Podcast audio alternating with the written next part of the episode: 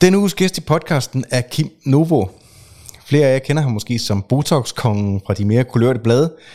Øh, men eftersom jeg hverken har brugt tid på at se fjernsyn eller følge den side af tilværelsen, så er Kim først kommet ind på min radar for øh, en 3-4 år siden. Jeg har inviteret Kim for at tale om hele skønhedsbranchen, øh, og hvad er det, der sker med alle de tabuer, der er i den. Hvorfor er det, at vi ikke kan tale om, at vi har lyst til at se godt ud? Hvorfor er det, man gemmer, at øh, man får lavet operationer, eller fillers, eller botox, eller opereret øjenlåg, eller lavet fedtsugninger, og så videre.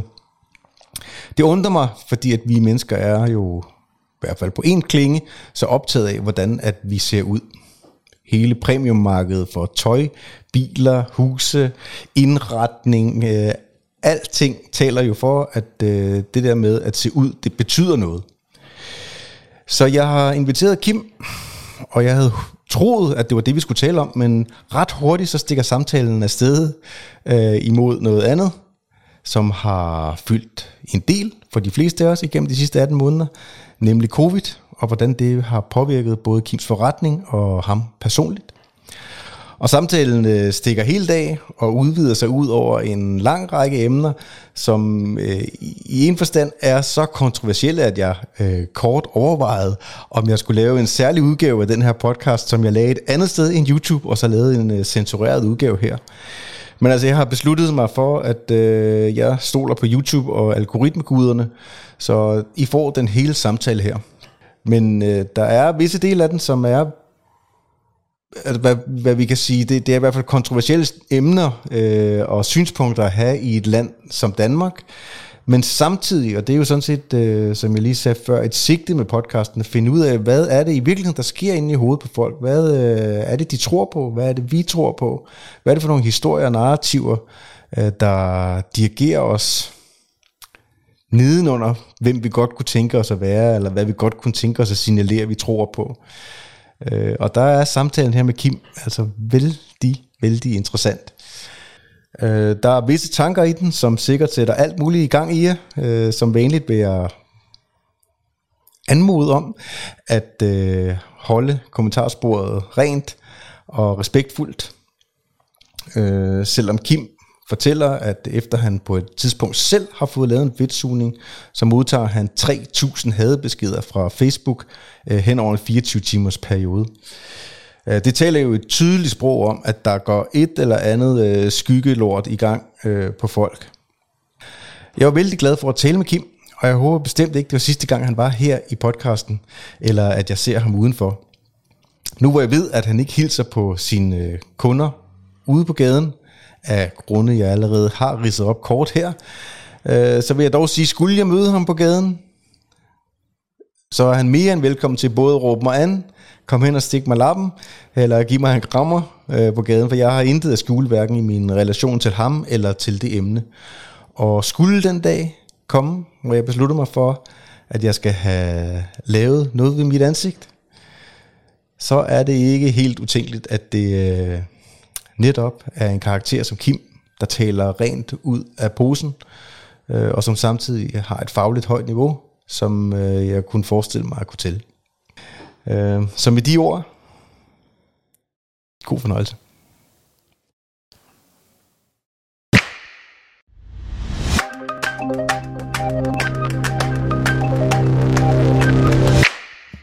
det var det, jeg siger. Det var, det var, det var navnerelateret. Det var derfor, jeg sådan, jeg tænkte, hvad har det, med, har det noget med plastikkirurgi at gøre? Er det kun Nå, det, du beskæftiger dig med? Ja, ja, nej, nej, jeg har intet med plastikkirurgi at gøre.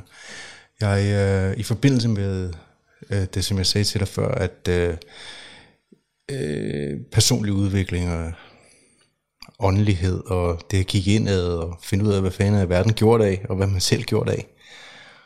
Hvor kommer man fra? Hvor, hvor skal man hen? Øh, der dukkede øh, i et par sammenhæng ordet plastik op, fordi at øh, på et plan kan man tale om, at verden måske er gjort af et plastik, plastisk materiale, et stof, som øh, i den forstand, at vi selv er i stand til at øh, forme vores virkelighed, som vi ønsker os den. Altså vi kan forestille os det inde i hovedet. Og i moderne lægevidenskab, der sætter man jo også om, at, øh, du ved, at hjernen er plastisk, og vi er i stand til at lave om på vores tanker og vores mønstre, og vores, øh, vi er i stand til at lære nyt hele vores liv. Og ud af det, der dukkede det der navn, plastik op, som jeg så bare begyndte at øh, hæfte mig mere ved med. Og så da jeg skulle bruge et virksomhedsnavn, så lå det sådan ligesom lige for. Og da jeg ikke kunne få plastik bare med et i, og det var internetrelateret og designrelateret og alt muligt, ja. så virkede det sådan ligesom som en no-brainer, at, det er så sjovt ud også med to i'er. Og, og der, alle mennesker reagerer på det, og, og så selvfølgelig kan man sige nu om dage, hvor vi øh, i klimasammenhængen øh, synes, at man har et problem med plastik, samtidig med, at vi ikke kan leve uden. Ja, så, er der mange, så er der mange, der også tænker, Nå, okay, men producerer du plastik, eller hvad gør du? Men det gør jeg ikke. Ja, fantastisk. Jeg, øh, jeg er et kreativt menneske, skabende menneske. Øh, jeg, som du kan se på kontoret her, jeg spiller stort set alle instrumenter, har skrevet musik øh, hele mit liv, og levet af at lave design til reklamer, computerspil og øh, ja, alt hvad der sådan, øh, altså reklame eller internetrelateret. Det, hvis, det har, hvis det har haft noget med omsættelse af følelser øh, til noget håndgribeligt for andre mennesker, så har det haft min interesse i min opvækst og, og igennem mit liv. Og jeg tror også, det er derfor sidenhen, at øh, hele det der personlighedsudviklings og så videre, at jeg, jeg begynder at kigge på de ting, der sker inde i hovedet på os. At, øh, du nævnte du selv NLP lige før, altså submodaliteterne og mm. alt det, der ligger og gemmer sig inde i mørket og former vores virkelighed at det lå sådan direkte. Det, det føltes som om, det var, en, det var ligesom en tegnplade. Og så, ja, så fangede det helt naturligt min interesse til, at jeg alligevel røg i et hul, mentalt hul, da jeg var 30 og ender i en skilsmisse og med et barn imellem. Og, altså, hvor jeg, hvor jeg sådan ligesom et kort øjeblik tænkte, er det værd at blive her, eller hvad? altså, der, der havde jeg brug for at række ud. Og nu er jeg så, er jeg så jeg lige fyldt 47, ikke? Så Jamen, jeg tror bare, man skal. Jeg rykker den her så tæt på dig, som, du, som overhovedet øh, jeg kan. Jo, jo bedre vi kan få din stemme med, jo, jo bedre ser du også på film. Jeg, jeg tror, jeg tror man, man, man, man skal have de her nedture, før man kan have opture. Altså, fordi ellers så bliver det sådan en statisk linje livet igennem. Ikke? Ja.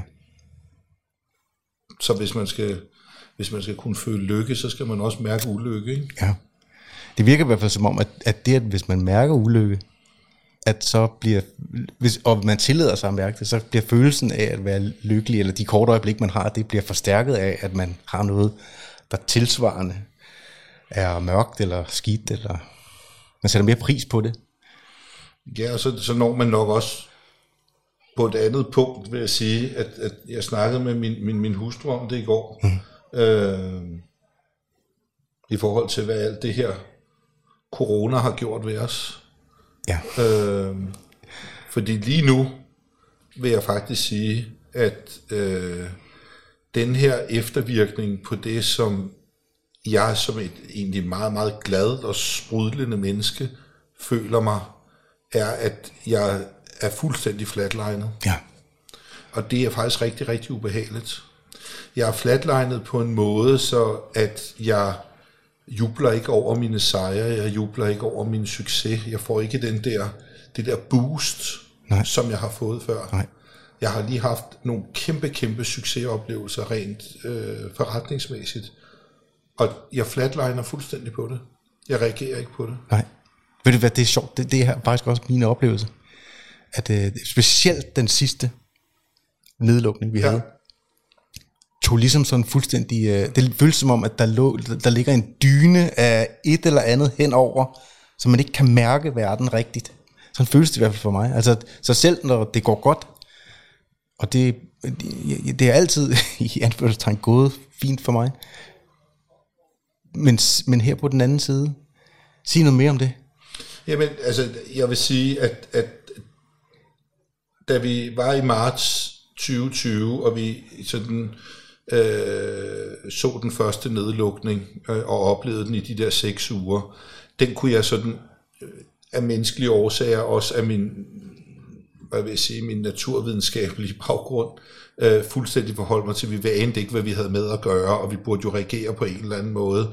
Så det var sådan fuldt forståeligt, og hvad der så skete efterfølgende, og håndteringen af det her har jo været hovedrystende, synes jeg, på rigtig, rigtig mange måder. Og så nåede vi frem til den anden lange, lange nedlukning, og der var det jo sådan meget... Øh, der var ikke styr på, hvem der skulle lukke ned, og hvordan, og øh, det ramte alle rigtig, rigtig hårdt. Og øh, når du gik ind og spurgte politikerne på Christiansborg, så anede de jo ikke engang, hvad for nogle retningslinjer de selv havde ja. været med til at stemme om. Det var meget frustrerende. Og øh, der var jo også hele den økonomiske del, at lige pludselig at være lukket ned fra seks uger, til modsat at blive lukket ned i over tre måneder, øh, var jo en økonomisk rigtig, rigtig hård losing. Og når man så forventer ligesom at sige, ja, vi ved godt, vi ikke kan blive fuldt erstattet for tingene, men man så lige pludselig får at vide bagefter, jamen, du har aldrig været lukket ned. Fordi at den ene styrelse siger det ene, og den anden styrelse siger det andet, så bliver man jo mega, mega, mega frustreret. Og jeg vil sige, nummer to nedlukning, eller de her tre måneder, og håndteringen af tingene, har faktisk gjort, at jeg som borger i det her land, faktisk ikke tror på noget mere. Jeg tror ikke på nogen styrelser, jeg tror ikke på Folketinget. Samtlige 179 folketingsmedlemmer kan sige, hvad de vil. Jeg tror ikke på dem mere. Og det er faktisk en rigtig, rigtig ubehagelig måde at have sit eksistentielle grundlag i et samfund, hvor man burde være i samspil med sine medmennesker, høj som lav, privat som offentlig ansat. Ja. Og jeg synes, der er, er, er sket en meget, meget voldsom, rigtig, rigtig vemmelig polarisering, også mennesker imellem. Jeg synes, det er blevet rigtig ubehageligt. Jeg synes, øh, så er det vaccineret mod ikke vaccineret. Hvem har skylden for hvad? Og folk skal bebrejde hinanden. De her øh, øh, øh forståelse af hinandens kultur, religion og racisme og alle de der grimme, grimme ting, som begynder at blomstre op i mennesker, sådan at man bliver mere egocentreret mm-hmm. øh, og er sig selv nærmest. Og jeg kan jo mærke det på mig selv. Jeg har det på præcis samme måde, ja. fordi man, man kravler ind i sig selv. Og bliver mindre tolerant. Ja, mm. og man bliver mere ondskabsfuld. Der er så nogen, der er lidt mere direkte øh, på de sociale medier. Mm. Jeg har så valgt at være den person, der egentlig har trukket mig for den del, ja. og ikke hverken liker, ønsker, eller være delagtig i nogle grupper, eller øh, noget oprør. Der er jeg simpelthen bare kravlet i mig selv. Så nu, nu agerer jeg i min egen lille boble med, med min familie og min virksomhed. Mm. Og det synes jeg bare er trist, at det skal være sådan. Og sådan tror jeg, at der er rigtig mange, og det ved jeg, der er, der er rigtig mange øh, i min omgangskreds, der egentlig har fået det sådan, som har været super inspirerende mennesker, både at, at lytte til og, øh, og agere og samspille med på, i alle mulige hensener. Det er sådan fuldstændig knappen er bare slukket af. Ja. Og det synes jeg er en, en, en deprimerende og, og meget, meget, meget, meget, meget trist udvikling. Ja.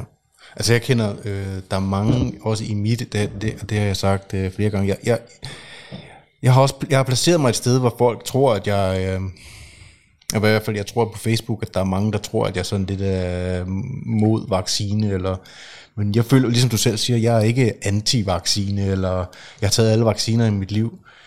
Øh, og jeg forstod sagtens, at man lukkede ned. Jeg forstod, øh, at man vidste ikke, hvad det var. Øh, men jeg må sige, at i kølvandet på øh, alt det data, vi har fået siden sidste sommer, så har jeg meget svært ved at forstå mange af de prioriteringer og den måde, man rykker frem. Og, jeg, og, og, og også med selve vaccinen har jeg øh, problemer med at, at forholde mig til, Altså, for det ligner, at vi skal blive ved... Det, det ligner, at fra nu af, så skal vi så vaccineres for 6. måned, eller hver 8. måned, eller et eller andet, mm, hvis, mm. Vi, hvis vi vil følge den logik, som der bliver lagt frem. Mm. Så jeg har placeret mig et sted sådan lidt i midten, hvor jeg siger, jeg, der, er en, der er en rimelig og rigtig grund til, at folk, der er i risikogrupper osv., så vaccineres, ligesom man bliver vaccineret mod en influenza osv., Øh, men er det rigtigt, det er, sådan, det er et vedvarende spørgsmål, jeg har, er det rigtigt, at hele verden skal vaccineres? Er det rigtigt, at et sundt og rask menneske som jeg selv og mange andre skal vaccineres og skal blive, blive ved med at blive vaccineret for, at vi kan holde samfundet åbent? Øh, velvidende, at det er i hvert fald det billede, man har, når man kigger på, på dataen, at det er de samme mennesker, der går bort, som der altid er gået bort.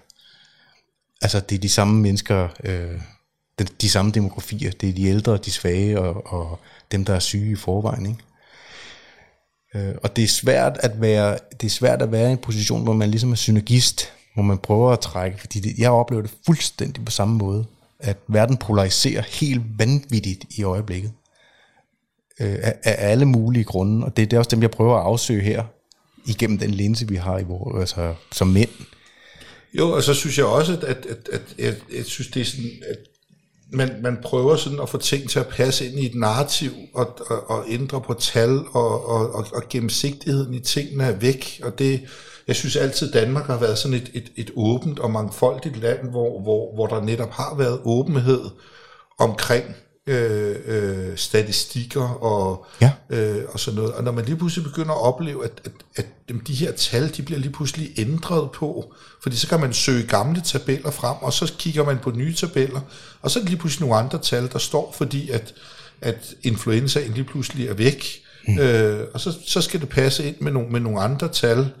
Øh, og det er sådan noget, der skræmmer mig, og det skræmmer mig, at... Øh, og som, som, som du og jeg er fuldstændig enige om, at, at man skal passe på de, de sårbare og de ældre, og, og det er fint at have en vaccinestrategi for, for, for sådan en type mennesker.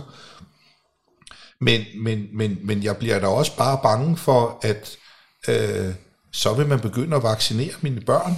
Ja, men det er... Øh, altså, skidt pyt med mig. Jeg har levet mit liv. Jeg er 50, så der er nok ikke den store skade ved at vaccinere sådan en som mig. Mm-hmm. Men, men, men at vaccinere min, min, min, min lille datter på 13 år med noget, man ikke kender langtidskonsekvensen på, øh, og med, med de mange forskellige udmeldinger, der har været fra den ene instans og den anden instans, og så har man sagt, det her er sikkert, og, og, og så er det lige pludselig ikke sikkert mere men man får heller ikke nogen statistikker, så man ved sådan, jamen hvad gør det her?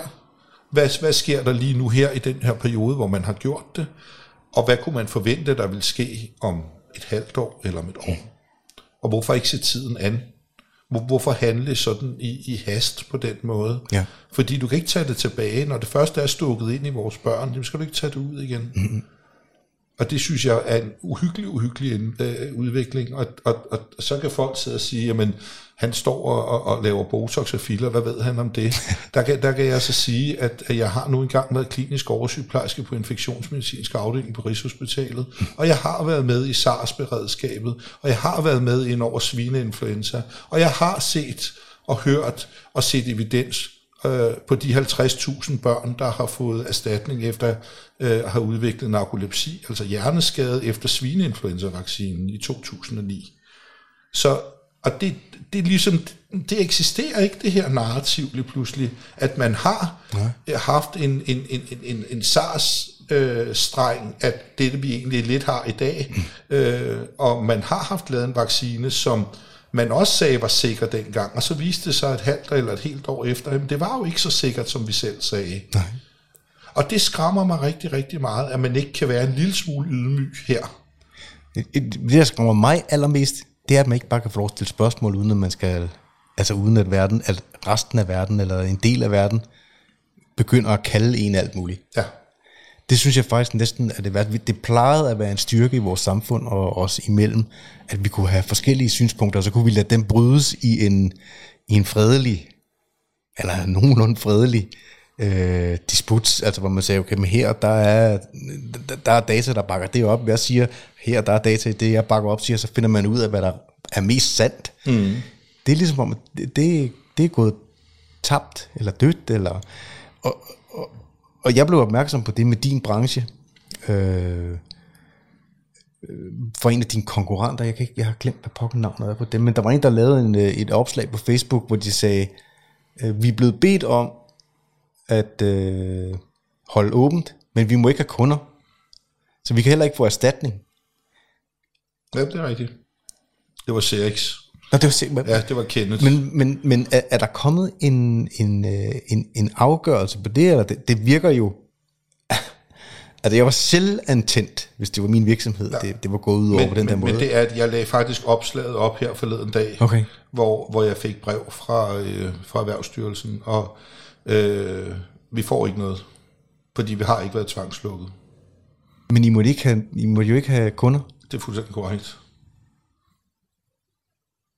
og så bliver der tavshed, og det er lige præcis det, der bliver, fordi det er uforståeligt. Jeg kan ikke forklare det, og jeg vil sige, jeg, jeg, jeg er simpelthen nået dertil, hvor jeg stort set ikke gider snakke om det mere, fordi at jeg har råbt og skrejet, øh, og jeg tror, hvad har jeg skrevet til omkring 17 folketingspolitikere for at forstå, hvorfor det skulle være sådan her.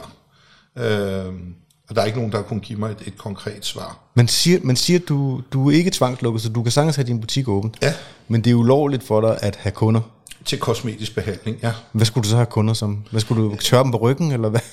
Nej, altså vi har, vi har jo øh, øh, en lille gruppe patienter, som på daværende tidspunkt øh, havde jeg en neurolog ansat, som for eksempel kunne komme og få migrænebehandling eller hovedpinebehandling. Ja.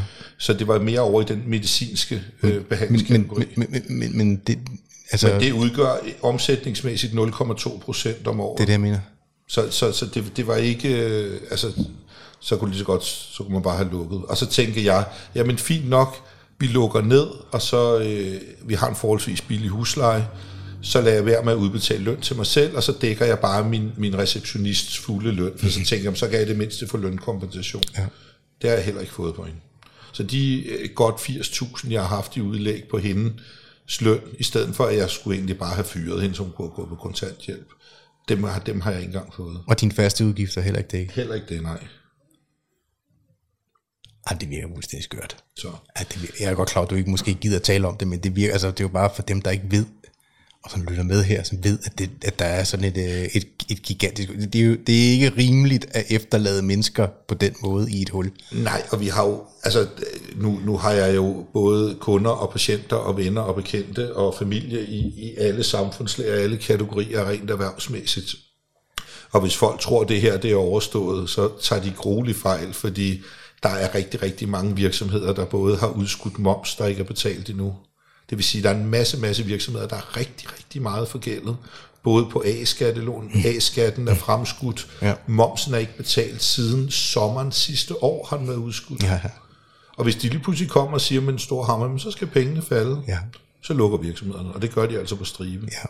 Det er, det er, der ligger, det er bare blevet skubbet foran, så jeg er rigtig mange virksomheder, som ikke er solvente, altså som bliver insolvente på den der måde. Ikke? Og, og det, som jeg har været sådan meget, meget oprørt over, det er jo de der organisationer, som egentlig skulle øh, passe på, på os selvstændige. Vi er 200.000 selvstændige i Danmark, og så er der øh, SMV, som ligesom er vores grundinstitution for små og mellemstore virksomheder, en organisation. Så er der Dansk Erhverv, så er der Dansk Industri, og det eneste, de har, har, har gjort, det er jo, at de har klappet øh, regeringen på ryggen hele vejen igennem, øh, og ikke været kritisk over for nogen som helst regeringshåndtering af det her, eller folketingshåndtering, fordi det er jo ikke, det er jo ikke kun noget, du kan sidde og, og, og, og, og sige, jamen, det her det er Mette Frederiksens regerings skyld, fordi det er jo dem, der har siddet i Folketinget, der har givet en carte blanche til det her, og der er ikke nogen, der er opponeret imod det. Nej, nej, nej. Og hvis man har hørt narrativet hele tiden, jamen vi har holdt hånden under de selvstændige hele vejen igennem, så er det jo en stor løgn. Og den kommer nu, det er bare roligt, det kommer til at vise sig her henover ja. øh, sensommer og vinter, og, og så kan det godt være, at der er opsving i økonomi, men der er mange små virksomheder, der kommer til at dø på det her. Desværre. Jeg havde, altså jeg havde på en fornemmelse, jeg havde, jeg, jeg, jeg havde tidligt en fornemmelse af, også fordi man holdt hunden 100% under alle offentlige ansatte. At, øh, at der må komme en eller anden form for, altså som minimum en afdragsordning for det moms, der er udskudt. Og for nogens vedkommende kunne man sagtens, altså i min øjne kunne man sagtens tale om, at det var rimeligt, at den, den momsbyrde for de, mange af de små virksomheder, for hvem det bliver langt dyrere, at, at de lukker deres virksomhed, mm. går på, øh, altså bliver statsstøttet på den ene eller den anden måde, skal, skal omskoles til at have et andet job, eller hvad fanden. Altså det bliver, for samfundet bliver det jo en langt større byrde, mm. end at vi betaler deres moms. Altså man ligesom eftergiver det. Men, ja, ja, men, men, men, men omvendt, så kan man godt sige, at der er masser af takter i vores samfund, som øh, peger, ikke, altså som ikke nødvendigvis peger på, at man vil den mindre selvstændiges sag. Ja, ja, altså det, det, det, det, det har været en, mærkelig, mærkelig håndtering. Altså man kan jo så sige, at vi, hvis du kigger sådan i store virksomhedssammenhænge, de store, hvis du tager sådan nogle som Danfoss og Novo Nordisk og ja, ja. Øh, GN Store Nord, det er, jo, det er jo de tunge, tunge virksomheder, der ligesom bærer dansk økonomi, og så kan man sige, jamen hvad udgør 200.000 selvstændige i Danmark? De udgør måske øh, 4% af det samlede Mm. Øh, BNP, ja. ja. ja. Så, så, så vi er jo fuldstændig ubetydelige, og det er jo derfor, man er så ligeglad med os. Og så kan man sige, jamen det er kun 200.000 mennesker. Hvad der vælger i det, det er der heller ikke nogen vælger i. Mm. Fordi der er 3,6 millioner på en eller anden form for, øh, øh, hvad hedder det, overførselsindkomst i det her land. Ja, ja, ja. Og det er der vælgerne ligger, desværre. Det er en katastrofe. Så, så det er jo bare den måde, og jeg synes, jeg synes bare, at, at, at, at håndteringen af den har været grimt, fordi at jeg har selv været offentlig ansat engang. Jeg har selv arbejdet på hospitalet som sygeplejerske, og jeg synes jo, det er mega, mega trist, at vi lige pludselig skal have offentlige ansatte mod private ansatte eller selvstændige, at man øh, graver dybe, dybe grøfter imellem de her to øh, grupperinger af mennesker. Fordi som jeg har sagt og siger mange gange, vi kan ikke undvære hinanden. Vi er jo bare små tandhjul, der skal passe sammen med et større hele. Ja. Og, og, og det synes jeg bare er trist, at det bliver sådan noget med, at man begynder, at, at de selvstændige sidder og siger, jamen det er typisk, at de offentlige ansatte bare kan gå hjem med fuld løn, og så kan vi sidde og, og ikke have noget grundlag for vores eksistens. Men det er jo ikke de offentlige ansatte skyld. Nej, nej, nej, nej, nej, nej, nej. Men, men, men, men det er sådan, det ligesom bliver fremlagt til sidst. Ikke? Ja, ja den, fære, den færre løsning havde jo været at sige, øh, Altså hvis man vil have skabt, hvis man vil have lavet en færre løsning imellem øh, grupperne af privatansatte, så det havde, i vid udstrækning havde det været at sige, når man øh, alle må øh, bære igennem i den her, så vi skærer øh, alle offentlige ansatte til 80% løn. Men hvis man havde gjort det, og for, for nogle selvstændige, for mange selvstændige, at de jo rådet langt under 80%, øh, så kunne man jo godt være bange for, at man simpelthen havde trukket, øh, man havde trukket tæppet væk under hele det offentlige system, og så var der ingenting, der havde, fordi alle bare gået i strække, mm. og hvad fanden ved jeg. Ja, lige præcis. Altså ingen ville finde sig i det, øh, i det system. Eller, men det havde jo været mere, været mere fair, og derfor så mener jeg også, altså det er derfor jeg mener, at det modsat, så må der jo komme, jeg er fuldstændig enig i det, du siger, det bliver et blodbad på et tidspunkt, fordi folk har skudt de her poster foran sig. Mm. Øh, og det ligger lige lige for, hvis ikke at man, man finder en løsning. Og problemet for mit vedkommende, det er, de mennesker, de 200.000, som du snakker om, som er selvstændige, hvis det, hvis det er tallet, øh, det er ikke nødvendigvis mennesker, der passer særlig godt ind i systemer og i rammer og, og i jobs, som er lavet af, altså i stor, mange af dem har valgt, og mange har valgt at være selvstændige, på trods af, at de tjener færre penge, men de har et bedre kvalitet af liv. Altså deres oplevelse af at være og jeg ved godt, det, det, det er sikkert ikke dig. Altså du, når man kigger på det udefra, nu kender vi to jo ikke hinanden, men når man kigger på det udefra, så ligner du jo en, der har formået at uh, både lave succesfuld forretning og tjene penge, og, og så flere penge, end man ville gøre, hvis man var en, en offentlig ansat. Men der er jo masser af selvstændige, der tjener, altså hvor man kan sige, de kunne næsten gå på en eller anden offentlig forsørgelse, men de vælger at være selvstændige, fordi kvaliteten af den samlede sum af deres liv øh, er, er højere. Og det, det er jo øh,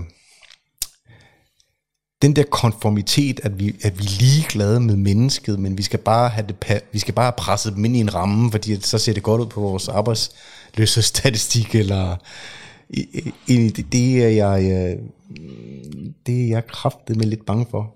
Altså fordi jeg selv er sådan lidt non-konform, tror jeg. Ja, ja, men man skal jo heller ikke glemme, at, at mange af de selvstændige faktisk også er med til at bidrage til nogle jobs, som tilhører de ufaglærte. Ja, præcis. Altså, øh, fordi der bliver jo mange, der, der bliver ansat i en virksomhed, og så tillærer sig tingene autodidakt, ja. uden at have øh, en, akade- en akademisk uddannelse. Ja, ja. Øh, nu, nu, nu kan man sige, Cecilia, jeg har ansat nede hos mig, der sidder i min reception, og har gjort det nu i seks år, ja. med en sygedag, kan jeg så fortælle. Ja, no, ja. Øh, og, og hun er ikke højt lønnet. Øh, hun er lønnet svarende til, til, til en, en, en offentlig ansat, kan man sige. Men, men hendes niveau af, af service og øh, det, hun har tillagt sådan, sådan rent autodidakt, det kan ikke engang læres på en skole. Altså, Nej, og hun er, er så fabelagt. Det er jo det, ja. Øh, og hun er ufaglært, kan man sige. Ja. Øh, fordi hun har ikke nogen uddannelse bag sig. Men, men, men, men jeg tror ikke, jeg kunne finde nogen mere kompetent Nej. Til den stilling, hun besidder, fordi at der er ikke nogen skolegang, der, der, der kan give hende den visdom, hun har tilegnet sig. Nej.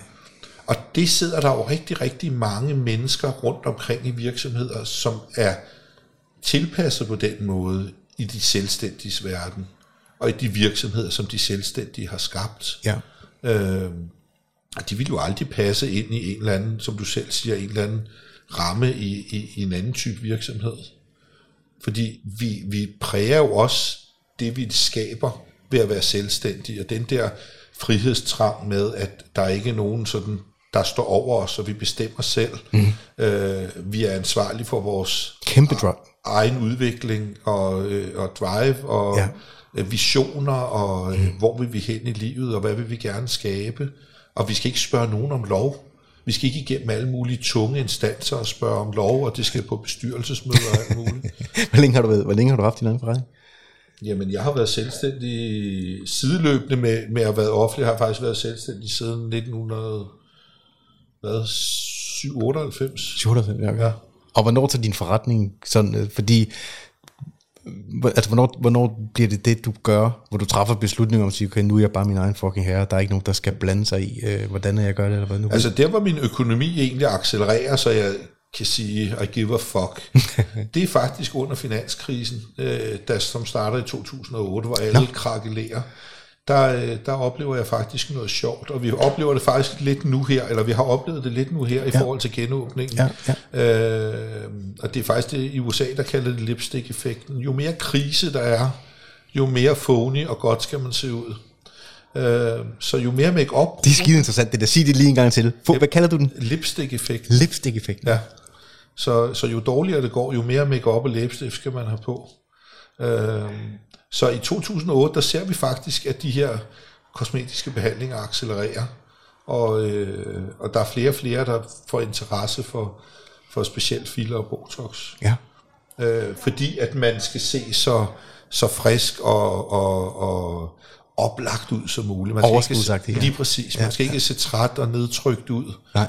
Øhm, så der oplever vi faktisk et boom, og som boomer faktisk ind til 10-11 stykker, så stagnerer det lidt igen, og så eksploderer det fra 12 til 15.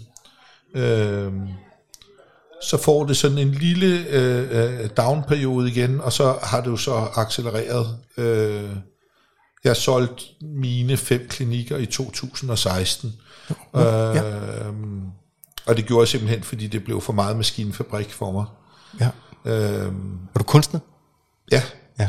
Det er også min fornemmelse. jeg er meget kunstnerisk. Ja. Ja. Øhm, og jeg var lidt bange for, at, at det her det blev for mainstream, og det, øh, jeg har nogle idéer og, og nogle visioner i forhold til, hvordan jeg synes, for det første mennesker skal behandles, og hvordan vi skal anskues unikt Ja. og individuelt alle sammen.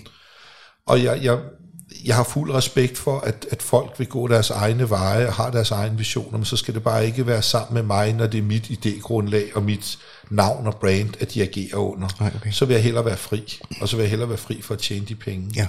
Så, øh, så jeg valgte faktisk, øh, og det var faktisk lidt en eye-opener, i, i, da jeg kom hjem fra Robinson øh, i 2016, ja. at, at jeg kom tilbage, hvor jeg faktisk tænkte, jamen det er ikke det her, jeg skal. Jeg skal noget helt andet. Øh, fordi når man er med derude øh, på Filippinerne, når man sidder alene på en ø, øh, og bliver placeret på en ø alene, for det blev jeg faktisk flere gange, øh, Helt alene? fuldstændig. Fedt. Ja. ja.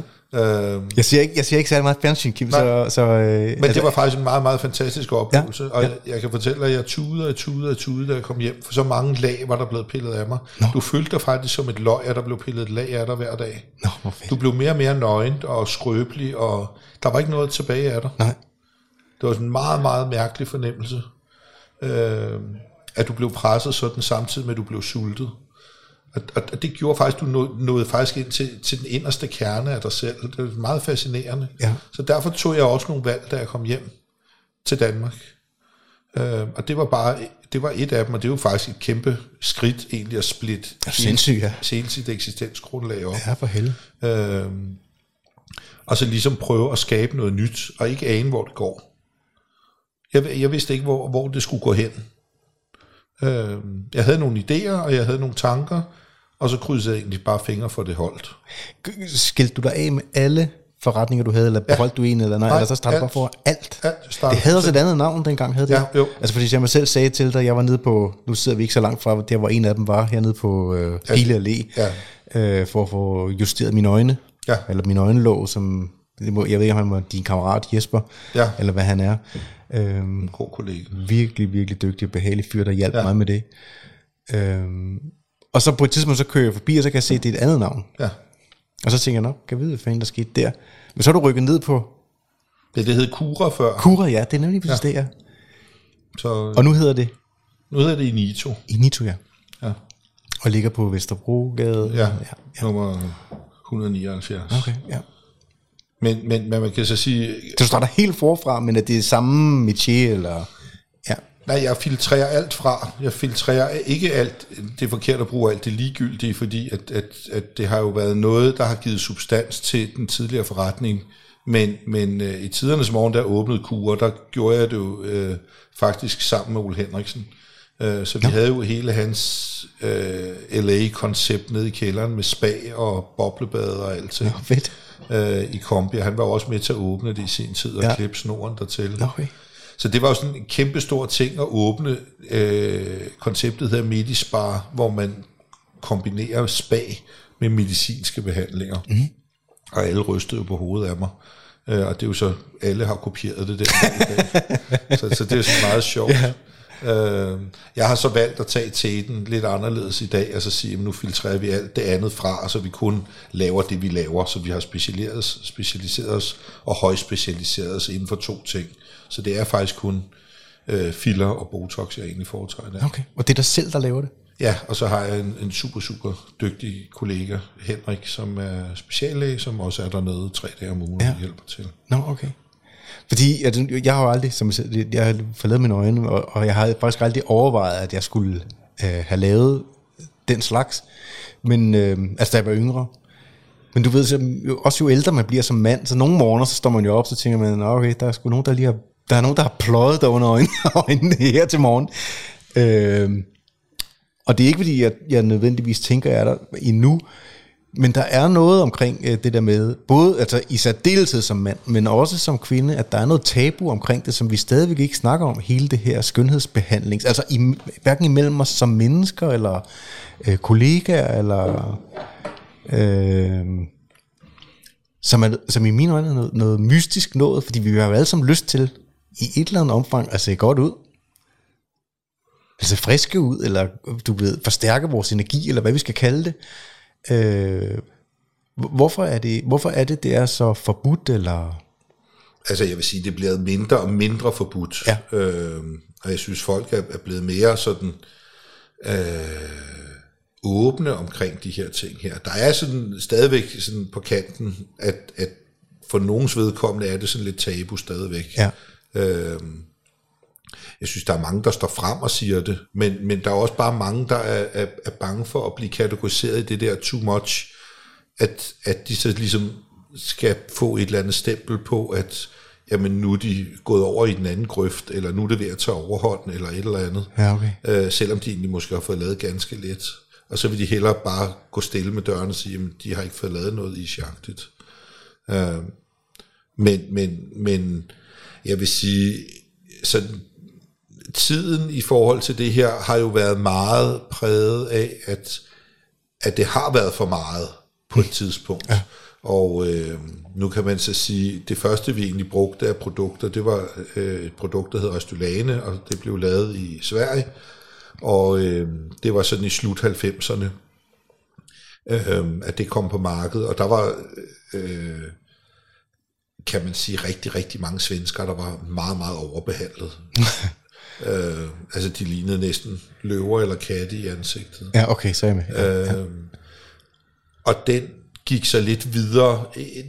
Den har aldrig været så populær i Danmark, men til mange østlande. Øh, og, og den hænger stadigvæk en lille smule ved, når man kigger over øh, til nogle af østlandene i dag, at de er sådan meget, meget overbehandlet. ja. Øh, og det popper jo op en gang imellem, kan man sige. Der var sågar en i, jeg tror det var i går, øh, i BT eller Ekstrabladet, hvor der var nogen, der udtalte sig omkring nogen, der var sådan alienized, hed det. Altså, Alien, alienized? Ja, hvor de, ligner, hvor de nærmest ligner aliens i ansigtet, og man kan jo lave altså undskyld mod udtrykket, men man kan jo fucke folks ansigter fuldstændig op med det her. Grunden til også, at jeg inviterer dig, altså jeg, jeg ved ikke lige, hvor meget vi skal tale om det her, jeg vil, jeg vil rigtig gerne tale om det, men grunden til, at jeg inviterer dig også, det er jo både, at du har en lidt øh, anderledes karakter i den ydre verden, end mm. den, den, den gængse, almindelige, pæne øh, læge, uniforms øh, pige, der, der laver den der slags. Øh, men lige så meget, at øh, i både i min omgangskreds, og du ved, når man sådan bevæger sig igennem verden og hører folk tale om det, så har folk altid talt om, altså bragt dit navn op, som om, at øh, du havde særlig gode øjne til det. Altså, at du var, at du var særlig god til det.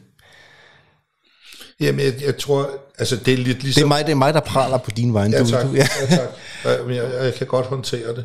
Ja. Øh, og, og, og jeg, jeg er nået dertil i mit liv, hvor jeg siger, ja, jeg er skide dygtig til det, jeg ja. laver, og det må, det må jeg godt sige, fordi det, det der er rigtig mange, der siger, så må jeg godt selv sige det ja, også. Ja, men ligesom man kan være god til at lave grafisk, eller ligesom man kan være god til at spille på guitar, eller ja, noget, man, ja. så, så er der jo noget kunstart i det, du har gang i der, ikke også? Altså, ja, men 100 procent. Ja. Og, og, og det som, som man kan sige, der er nogle ting, man kan lære sig, og så er der nogle ting, som, som, som man, man har medfødt, som man ikke kan lære sig, som, som jeg ikke kan forklare. Men, men, men noget af det, som, som jeg har en enorm uhyggelig evne til, det er at identificere asymmetri i et ansigt. Ja. Øh, og se balancerne i et ansigt. Og det at vide, at når jeg gør det, så sker der efterfølgende det og det. Når man har den evne, så kan man faktisk opnå nogle fantastiske resultater, stadigvæk bibeholde noget naturligt, men så også stoppe folk i nogle vanvittige idéer. ja. Fordi du kan argumentere for dem. Ja. Jeg formår jo at som regel, hvis, hvis, hvis, hvis jeg er til nogle øh, konferencer eller øh, ser kollegaer behandle, og det er meget sjældent, jeg bliver inviteret nu om dagen, fordi jeg er nok mega irriterende, fordi jeg piller folk fuldstændig fra hinanden. Og der har jeg det bare sådan, I give a fuck. Altså, hvis man skal foretage sig noget, så skal man også kunne argumentere for, hvorfor er det, du gør, som du gør. Fordi. Øh, det er det, jeg bliver hver gang, at jeg står og underviser nogen. Nu har jeg også et akademi, hvor jeg har kursister øh, og, og nye mennesker på månedsbasis, øh, hvor vi starter hold op. Og når man har sådan nogle mennesker med, eller skal undervise dem, så bliver man jo hele tiden stillet til regnskab for, jamen hvorfor gør du det, Kim? Det der med at sige, jamen det gør jeg bare, det, det kan du ikke. Mm-hmm.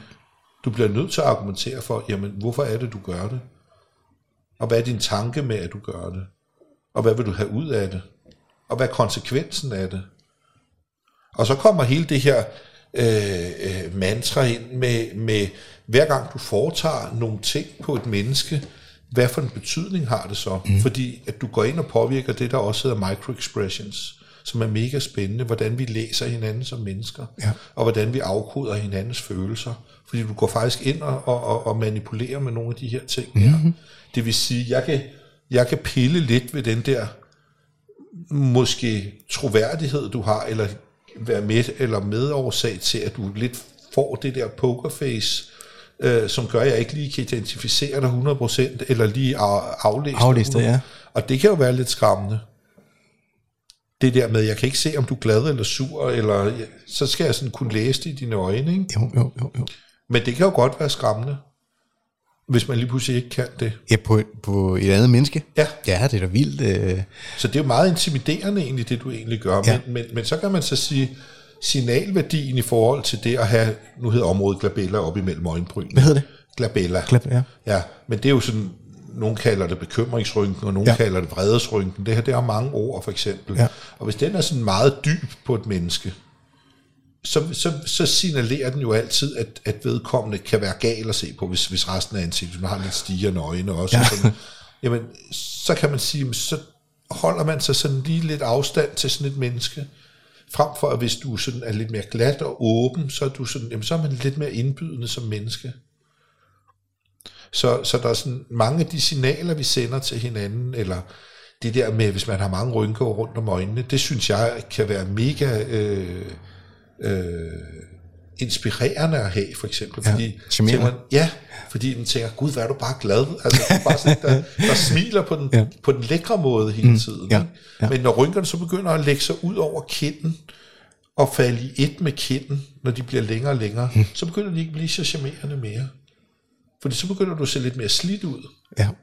Og så tænker man på, jamen, hvad er det, der har slidt dig ned? Er det et hårdt arbejde? Er det et forlist ægteskab? Har du haft nogle dødsfald i familien? Er du blevet fyret? Er du syg? Ja. Og, og det er jo sådan alle de der ting, som, som jamen, hvad appellerer det til i hinandens virkelighed? Ja. Og det er også nogle ting, man må tænke over, når man tænker. Så jeg tænker jo meget holistisk, når, når, når jeg skal anskue andre mennesker. Så det der, når folk kommer ind til mig, så er det jo ikke bare at sætte dig op i stolen og få fem stik og gå igen. Nej. Selvom jeg har en forholdsvis kort øh, varighed mellem de her mennesker, jeg ser. Nogle, nogle gange er de inde i rummet i 5 minutter, og nogle gange er de der i kvarter 20 minutter. Ja. Men vi når faktisk rigtig mange ting på den tid, de er der. Hos nogen, det er ikke hos alle selvfølgelig. Nej, nej, nej. Men, men, men, men og det, det elsker jeg ved mit arbejde. Det kan jeg fandme godt forstå. At man får den der, og du tænker, at jeg får den rigtig, rigtig mange gange om dagen. Altså hvis, hvis jeg ser 20, 30, 40 mennesker om dagen nogle gange, så er det mange små historier, jeg får Ja. på mange, og jeg skal også ligesom kunne selektere og huske, hvad snakkede vi om sidst, og hvem er de som mennesker og Ja, personer. ja, ja, ja. Men jeg har efterhånden memoriseret, jeg tror, jeg har lige omkring, hvad talte jeg forleden dag, jeg har omkring 6.700 aktive patienter, det vil sige, de har været der inden for de sidste 12 måneder. 6.700. Ja, Ja. nogle af dem har været der flere gange selvfølgelig, ja. men jeg kan huske dem alle sammen. Ja. Også hvis jeg ser dem på gaden. Nu hilser jeg ikke på folk på gaden. Det gør du ikke. Nej, Og det er samme grund, som jeg sagde før. Altså, det er fordi folk, du vil ikke, øh, der er ikke nogen, der skal kunne... øh, Jeg vil ikke, jeg vil ikke, altså hvis de, det kan godt være, at de ikke bryder sig om at kende mig ude foran klinikken, fordi det kan være en prekær situation, jeg stiller dem i. Okay. Hvis de kommer med deres mand eller søster eller kollega, og de ikke vil have, at, at de ved, at de får lavet de her ting her. Og hvis de så kender sådan en som mig, Ja, okay. jamen, så kan det hurtigt associere til, jamen så går de hos mig, fordi mange ved godt, hvem jeg er. Mm. Så jeg lader altid dem hilse først. Klart. Så jeg vil ikke sætte folk okay, i en dårlig det, ja, situation. nej, nej, det kan, jeg- det kan jeg godt forstå. Så man hilser jo heller ikke på sin gynekolog på gaden, tror jeg. Jeg ved det ikke. Jeg har aldrig haft en, så jeg ved det heller ikke. Jeg ved heller ikke, om du har lyst til at, at hilse på en eller anden læge, der lige har foretaget en prostataundersøgelse på dig. Ja. Så, øh, så det er sådan nogle meget sjove tanker. ja. Ja, kommer folk, altså, hvad, hvad kommer, altså, at kommer folk, er det din fornemmelse, at folk typisk kommer på grund af noget følelsesmæssigt? Altså, at der er noget, de godt vil have lu- lukket af for, eller styr på. Det var lidt som Christina, min kæreste, som du øh, lige mødte herinde. Ja. Vi, hun fik rettet sine tænder i 13 eller 14, eller så hun fik, fik sådan en, øh, hun, havde, hun havde ret skæve tænder inden, og så fik hun sådan en, øh, en Invisalign-bøjle, dengang ja. ja. de kom. Og sideeffekten ved at få lavet det, øh, ud over at det blev pænt, ændrede hendes sådan, energi ud i verden. Altså hun blev, hun har altid været positiv og smidt, men lige pludselig det der med, at hun ikke undertrykte sit smil, altså det var nærmest magi at opleve på, på ydersiden. Nu, nu er jeg, elsker hende jo, uanset om hun smilte eller hun ikke smilte, men for alle omkring hende lige pludselig, der skete, man kan også se det, har du lagt mærke til det på Pernille Vermund i øjeblikket? Mm. Hun poster en masse billeder, hun har fået rettet sine tænder også. Og først der lagde jeg ikke mærke til, hvad fanden er det, der er Og forskel? det er ikke i Polen. Nej, det ved jeg ikke. det ved jeg, jeg ved så ikke lige, hvor hun har fået det lavet. skrev hun selv. Nå, Det okay. Men lige der, der, der er bare noget ved energien i det der med, når et menneske har det godt i sig selv, og godt med sit udtryk. Ja, og det, det der sådan kan, det er jo sådan også den samtale, jeg tager, for jeg tager jo mange samtaler med, med mine patienter, og det er jo det der med, at nogle gange skal man også stille sig tilfreds med det, man har fået lavet, og ikke ryge over i den der grøft med, når nu har jeg fået lavet det, og så begynder man at finde noget andet. Ja. Og så bliver man aldrig nogensinde tilfreds med sig selv.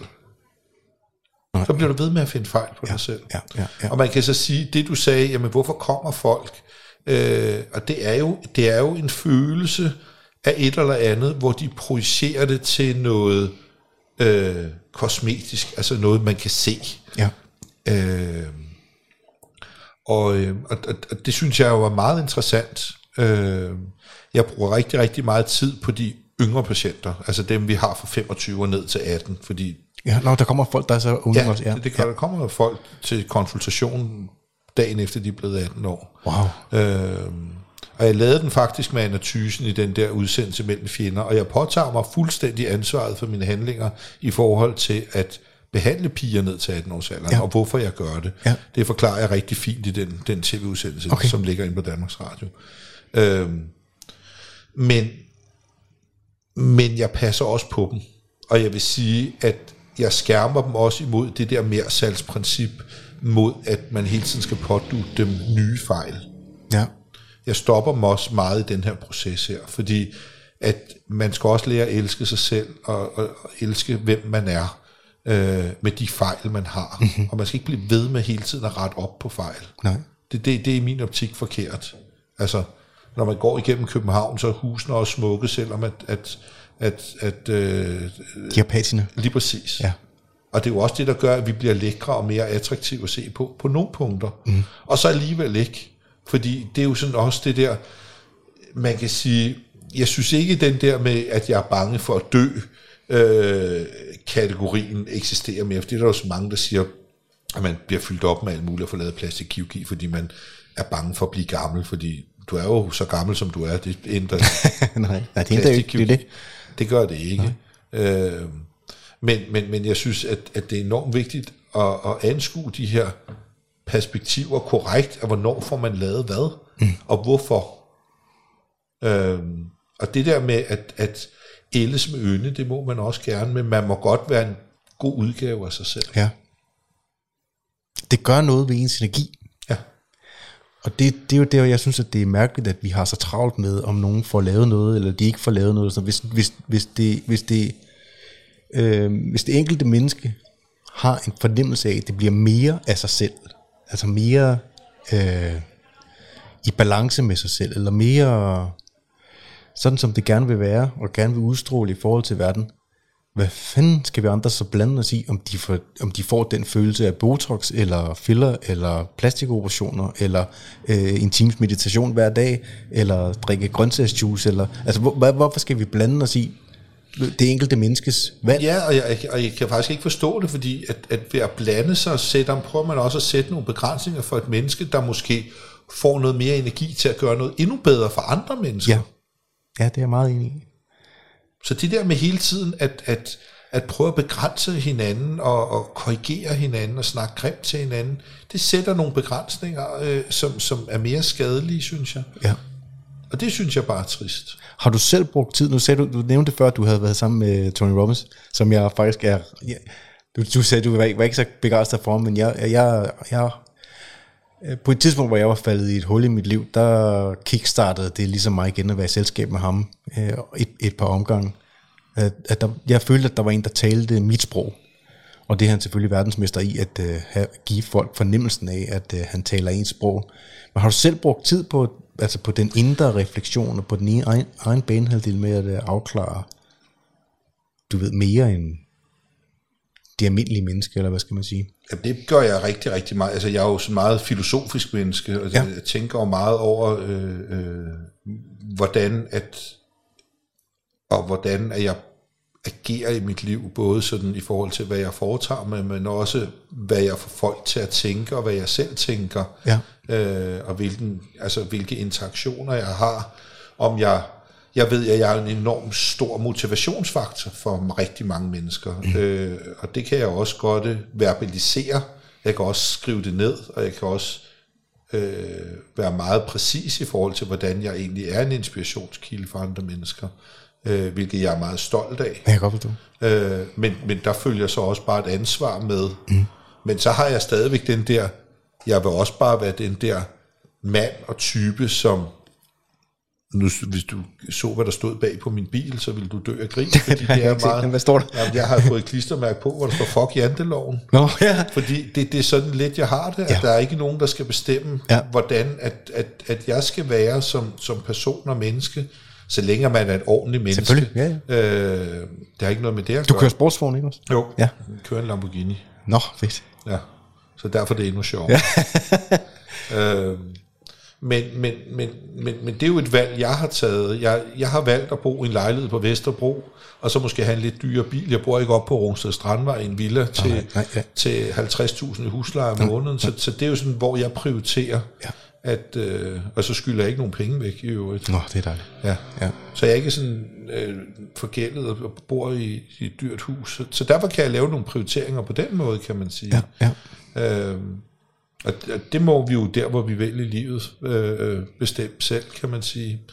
Øhm, men, men, men det at være en inspirationskilde, øh, det holder jeg jo rigtig, rigtig meget af, fordi så føler jeg også, at der er nogen, der gider lytte på mig. Mm. Nu sidder jeg også her i dag, fordi Ja, ja, ja, ja, der ja. forhåbentlig er nogen, Ja, det er da helt sikkert, ja. og gider at lytte på mig. ja. Og det sætter jeg jo en kæmpe ære i, Ja. og jeg har jo dyb, dyb respekt for det, Ja. og, og bruger det ikke bare på, på, på plader, synes jeg selv. Mm-hmm. Jeg synes, jeg kommer ligesom med, med, med, med det, nogle budskaber. Så, Det er derfor, jeg inviterer dig. Også ja. Fordi, at øh, man, jeg, havde, jeg havde på fornemmelsen, at, øh, at du er i en position, og om det så er den ene eller den anden eller tredje grund, det kan jeg jo ikke vide, men at du tør være, hvem du er. Giver det mening? Altså, jeg har fornemmelsen, at mange mennesker, de skjuler størstedelen, specielt i det offentlige rum, omkring hvem de er, så gemmer de det bare til, de er derhjemme, øh, hvis de kan, der kan få hul på det derhjemme. Men både dine tatoveringer, nu ser du din bil, og så videre, altså, der, der, er en masse, der, der, der er en masse bevidste valg der, som er synlige, hvis man kigger efter, og det kommer jo ikke uden, at man både er et reflekterende menneske, og man ligesom har været igennem en eller anden form for bevidstgørelse, og også brugt igennem det, som holder de fleste mennesker tilbage fra at træde karakter. Mm. Men, men, men jeg vil sige, jeg, jeg, jeg, den energi, jeg bruger på at være mig, Ja, bruger jeg i min, jeg bruger det i det offentlige rum, altså, men, men, men ikke, ikke gennem SoMe. nej, Altså, jeg er ikke sådan typen, der, der hele tiden, øh, jeg, jeg ved ikke engang, om der, jo, jeg tror, der ligger et billede af min bil på de sociale medier, ja, ja, ja. Øh, og det er sammen med Sivas, ja. hvor jeg faktisk, det var fordi, at, at, at, at hans, øh, jeg tror, det var NS Gang, der skulle lave en musikvideo, hvor, okay. hvor han var med i. Ja, okay. Og der spurgte de, om de kunne få lov til at låne bilen ja. til den musikvideo. Fedt. Øh, og det synes jeg bare var, jamen, når man spørger om lov, om man, man, man øh, er ydmyg omkring tingene, så synes jeg bare, at det er et sjovt projekt at være med i, og man kan Ja, hjælpe nogle fedt. mennesker. Ja. Øh, og så var det en fed video og nogle fede billeder og sådan noget. Og der lagde jeg det så op, at vi stod ved min bil på den måde. Ja. Men jeg tror også, det er det eneste billede, der ligger, men jeg skrev også en lang tekst, hvorfor jeg havde gjort det. Og det, det skal folk også bare forstå, at, at øh, og så har jeg jo, øh, det gjorde vi dengang vi havde en, øh, da jeg kørte Ferrari, der havde vi Ferrari-klubben, hvor vi, hvor vi øh, kørte børn fra øh, inden for Rigshospitalet, fra leukemiafdelingen, og så kørte dem til Legoland. det kan ikke. Ja. Øh, og så har jeg jo lille Aston også, som, som også er en, en knogletransplanteret dreng, som øh, jeg har været ude og køre sportsvogn med flere gange, og været nede og besøge ham på hans fødselsdag og sådan noget, Ja, ja. øh, og gøre en forskel. Ja, men det var det, det, var det nu, vi kender jo ikke hinanden, det gentager Nej. jeg lige. Det var det, jeg fornemmede, at du, øh, altså der boede et stort hjerte i dig. Det, det var til skinnet igennem i både dine øjne og, og i det, jeg ligesom kunne finde øh, på de sociale medier. Ja. Altså, at der er andet på spil end bare, du ved, du er bredskuldret og tatoveret, og du har en, en presence, men det er båret af, det kommer et andet sted fra. Ja, ja, 100 Forstår? procent. Ja, Ja, ja, ja, altså pr- prøv at høre her, altså jeg har siddet og i, i, i min tid på hospitalet, hvor mange jeg ikke har siddet og holdt i hånden, til de har taget deres sidste vejrtræk, og, og, og møder, som har været blodtransfunderet og, og endt med at få HIV og dør i AIDS, og de, deres børn på 6 og 8 år ligger ved siden af dem i seng ja. og ser deres mor dø. Øh, at være inde i sådan noget og kunne rumme det, øh, det, det er rigtig, rigtig, rigtig, rigtig hårdt, og der er mange følelser på spil. Og det er også der, hvor du skal give rigtig meget af dig selv, som, som menneske eller som sygeplejerske, øh, når man er på sådan nogle afdelinger. Ja. Øh, og det har jo også været med til at forme mig. Det har været med til at forme mig alle de øh, ældre medborgere. Jeg har været med til at sørge for at få en værdig død på de danske plejehjem, når jeg har været natsygeplejerske der. Øh, fordi det er også noget, der betyder rigtig meget at være omkring familien, Fordi der er jo ikke noget tidspunkt, der er rigtigt at dø på, eller sige farvel på, hvis man elsker hinanden. Nej, nej, Men at man kan komme afsted med værdighed, er jo enormt vigtigt. Mm. Og det er den der værdighed, vi skal huske hele livet igennem, uanset om, om man er gammel eller ung, mm. at man skal være god ved hinanden, fordi vi har hinanden på lånt tid. Hele livet igennem. Ja. Det er ligesom i et ægteskab. Vi, vi, vi, vi låner kun hinanden. Vi låner også kun vores børn, fordi på et eller andet tidspunkt flytter de hjemmefra. Så kan man håbe på, at de kommer og besøger en jo. Ja, jeg, jeg har en på 18,5, som ja. er ved at uh, finde ud af, at han skal lige igennem 3G nu her. Ja. Men vi ser ham jo mindre og mindre. Altså, der bliver det hele sådan synligt. Nå, okay. Jeg, jeg læste på et tidspunkt, at gennemsnitligt så, var, så havde forældre 90% af den tid, de havde med deres børn, havde de frem, indtil de flyttede hjemmefra. Og så har man 10% af den tid tilbage resten af sit liv sammen med barnet. Ikke? Det er jo helt vildt. Nå, det er rigtigt. Ja. Ja. Det er derfor, man skal blive ved med at have mange børn. Det er derfor, jeg har, det er derfor, jeg har fem børn. Har du fem? Ja. Nå, hold kæft. Og hvor, øh, hvor gammel? Jamen, jeg har en på 13, og så en på 18, og en på 19, og en på 22, og så har jeg en på 29, der skal øh, wow. føde, føde her det 1. december. Så der skal jeg være rigtig morfar. Så bliver morfar? Ja. Nå, hvor sejt. Og det glæder mig. Tillykke med det, mand. Ja, ja, det vil da kæmpe. Altså, fordi der er faktisk ikke... øh, I min egen terminologi, øh, livet forandrer sig det øjeblik, man får børn. Det forandrer sig også som mand, og det forandrer sig også som kvinde osv. Men der, der er et psykologisk skifte forbundet med det, særligt hvis man tager imod det. Altså har en modningsproces. Øh, de, det er den ubetinget største gave i livet, at- have et barn. I, mit, i min... Øh, Ja, ja, altså, men, men, men man, skal, man skal også bare sige, at børn begrænser også en. jo, jo, jo, jo, bevar- bevares. Ja. Og det, det, der, der er meget hovedpine. Ja. Ja. Så kan det godt være, at Ja, der er hovedpine, og lidt hovedpine, når de er små, og så er der endnu større hovedpine, når de bliver endnu Ja, større. ja, ja, men, ja. Men, øh, men man vil dem jo det bedste, og, og, og, og hvad vil jeg sige... Og så også igen det der med at have accepten af sine børn, altså de ønsker og behov, altså de behøver ikke at, at, at, at blive akademikere og læger og jurister, altså, find, altså man skal bakke dem op om den vej, de nu vil i livet. ja, ja. Øh, også på deres seksualitet. Jeg synes, jeg, ja. jeg, jeg ser rigtig mange kedelige historier på, på, på børn, som, som, eller unge mennesker, som prøver at være i en eller anden frisgørelsesproces, og, øh, og, og, og skulle finde ud af, hvem de er i deres identitet. Og jeg har jo altid sagt til mine børn, og gjort dem tryg i den proces. Mm. Og så, øh, altså, hvor jeg har sagt til mine drenge, ikke fordi, at, at, at, det, de skulle gå den vej, altså, det finder de selv ud af, men de har da vidst, at deres far, også pigerne, altså om, om de har været til det samme køn, jamen så har de bare vidst fra starten af, helt fra de vi var små, om det er fuldstændig acceptabelt. I min optik. Selvfølgelig. Øh, så så nu, nu er der ikke nogen af mine børn, der har fundet den vej, men, Nej, nej, men det kan godt være, at de har eksperimenteret i den, og så ikke fundet det, det ved jeg ikke. Men, men, men, men, men en tryg opvækst øh, øh, under trygge rammer, og så føle sig forstået og respekteret. Ja. Det, det har været vigtigt, øh, vigtige nøgleord for mig og mine børns proces. I det hele taget, det du taler om før med at øh, en, en værdig død og en værdighed. En værdighed at behandle andre mennesker herunder selvfølgelig sine børn. Men det er som om, at noget af den værdighed også er noget af det, vi er ved at tabe i vores tid i øjeblikket. Altså at vi ikke er værdige over for hinanden, den måde, som vi taler til hinanden på. Nu snakker vi om vacciner mm. og så videre før. Men, men over en, en bred kamp af alle mulige emner, køn og religion og race, og nu sagde du selv racisme før og så videre. Ja. Altså at øh, der foregår sådan en polarisering, hvor øh, øh, respekten og værdigheden for, at, for forskellighed øh, ligesom er, er på retræte i øjeblikket, samtidig med, at der er nogen, der kører ekstremt hårdt på og prøver at, øh, at, at virke som om, at, øh, at der altså ligesom rive alle strukturer og alle hierarkier og alting ned øh, omkring os. Er det, din, er det også din fornemmelse, at, at alting lidt er i opløsning i øjeblikket?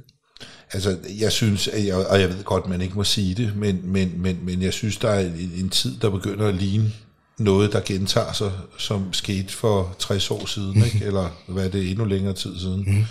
Mm. Øh, jeg synes, at, at, øh, at det er jo faktisk 80 år siden, at vi, vi så det i, i 30'erne og 40'erne ja. i Europa, Ja, ja. Øh, med, med nazisme og fascisme og Ja. raceadskillelse og sådan. Ja. ved godt, man må overhovedet ikke begynde, og, fordi det er en meget, meget øh, overdrevet overdrivelse at, at sammenligne med det her. Men der er bare nogle parametre, nogle facetter, som, som begynder med øh, at, at ligne hinanden i forhold til netop, som du siger, med, med, med, med racisme og polarisering og øh, det at skulle kunne befærde sig rundt i samfundet og fremvise et pas og identificere sig selv. Øh, det er jo mange af de ting, vi egentlig så dengang. Ja. Øh, og hvis man, hvis man har fulgt med i sine historietimer i skolen, så, så sidder man faktisk og får lidt en knude i maven. Øh, fordi man, man, man sagde jo, jamen det her vil jo aldrig nogensinde gentage sig igen. Øh, og det er jo sådan lidt, at, at når der bliver sagt hop, jamen så hopper folk. Ja, i Og øjeblikket. der, er, Ja. ja. og der er ikke nogen, der spørger, jamen, hvorfor skal jeg hoppe? Nej. Om det er ikke bare fordi, at alle de andre også gør det, så gør jeg det også. Ja. Og det er jo sådan, at det, det er blevet, at man får presset folk derud, hvor man siger til sidst, jamen, jamen jeg orker ikke det der med at blive testet mere, så vil jeg hellere gå hen og tage vaccinen. Det er meget lettere. Og lige om lidt, bare vent og se, lige om lidt, så kommer vi til at skulle betale for at blive testet. Fordi det der resten af Europa øh, går hen, og så, øh, så giver det jo helt sig selv, fordi når folk ikke gider det med, så er vaccinen gratis. Du skal betale for en test, Ja. men du kan ikke gøre det ene og det andet og det tredje uden en test. Så, øh, så bliver det jo sådan, at så vil du hellere, så, kan de så godt blive vaccineret, fordi det er alle de andre blevet. Og så får de de sidste, måske 10-15 procent, så har der kun været 8-10 procent, der stadig ikke er vaccineret, som er den hårde kerne. Ikke? Mm. Som, som så bliver presset helt uden for samfundet. i. Fuldstændig. Ja. Ja. Så Ja, Jeg er, altså jeg, jeg er åben med det i forhold til det, også det jeg har gjort på Facebook, og der er nogle venner, der har unfriendet mig og så videre øh, på alle sociale medier på grund af det.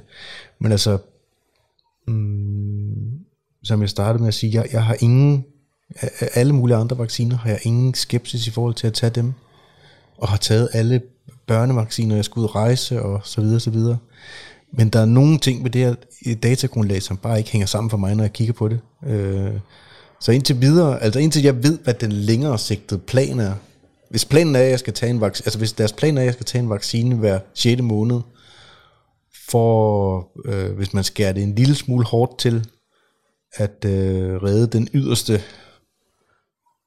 øh, øh, del af dem, der ligger syge og gamle, altså folk fra 85 år op, og folk, der alligevel ligger på hospice med kræftsygdomme eller meget andre sygdomme. Hvis man forestiller sig, at jeg skal tage en vaccine hver, hver 6. måned, øh, så er jeg ikke sikker på, og, og, og sygdommen på ingen måde øh, er farlig for mig, øh, så er jeg ikke sikker på, at jeg gør det. Altså, Jamen, altså det, man, det man kan sige, det er jo, at altså, nu har jeg jo været i det øh, på infektionsmedicinsk afdeling, og det er ligesom sjovt, at, at, at, at så opfinder man et ord som senfølge. Altså prøv at høre her, der har været senfølger til lungebetændelser og influenza de sidste 50 år. ja, selvfølgelig.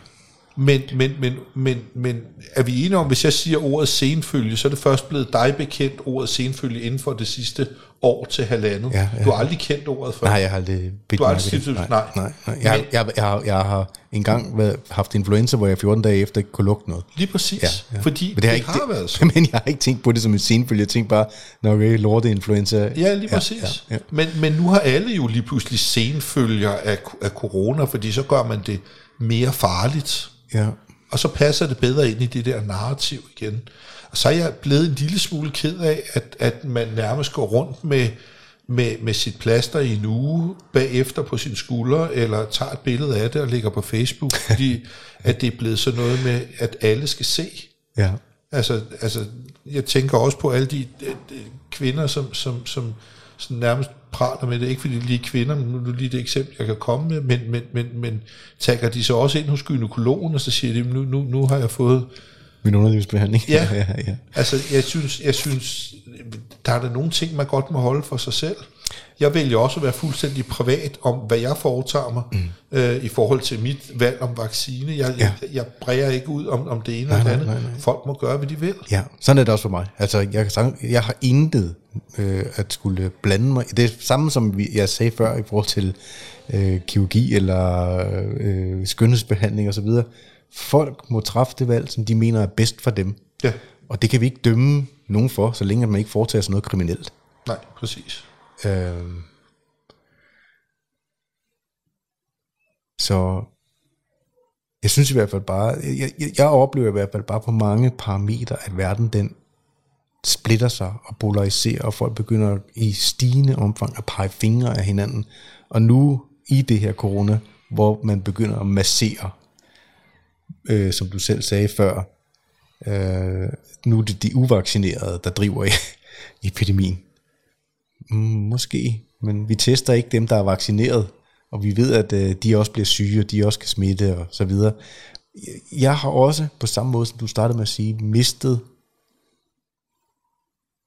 en del af tilliden til systemet jo, i løbet af de sidste 18 måneder, eller 19 måneder, hvor lang tid der nu er gået. Altså jeg er ikke efterladt med øh, et smil på læben og tiltro, og jeg tror, det er medvirkende også til, at den der dyne af både skepsis og, men hvor længe holder det nu? Hvor længe bliver vi ved med at have åbent? Hvor længe kan jeg blive ved med at være sikker på, at min forretning kan gøre sådan, som, som den gør?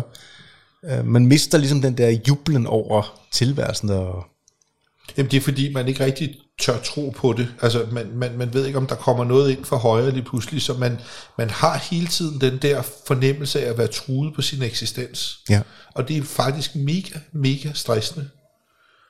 Øh, så, så man ved ikke, hvad man, hvad man skal tro på mere, nej, fordi nej. som jeg også sagde tidligere, at, at den der gennemsigtighed er væk. Der er ikke nogen, der snakker ærligt mere. Nej. Og, og det er det, der gør mig bange. Ja. Så, så, så det er sådan en, en, altså nu har vi frygtet nogle ting, men, men, men nu går det faktisk over i næste fase, hvor man faktisk begynder at blive angst for det. Øh, og jeg tror også, der kommer flere og flere folk, som, som, som får efter psykiske virkninger på det, og jeg har snakket med mange mm. dagligt, som har den samme følelse i sig mm-hmm. selv, mm. som jeg også har. Ja, ja. Øh, så er det også sådan sjovt, fordi man kan så sige, hvorfor tager det til efterfølgende, at folk de opsøger sådan en som mig i forhold til kosmetiske behandlinger. Når du er udsat for stress, så ældes du også bare hurtigere. Ja, okay.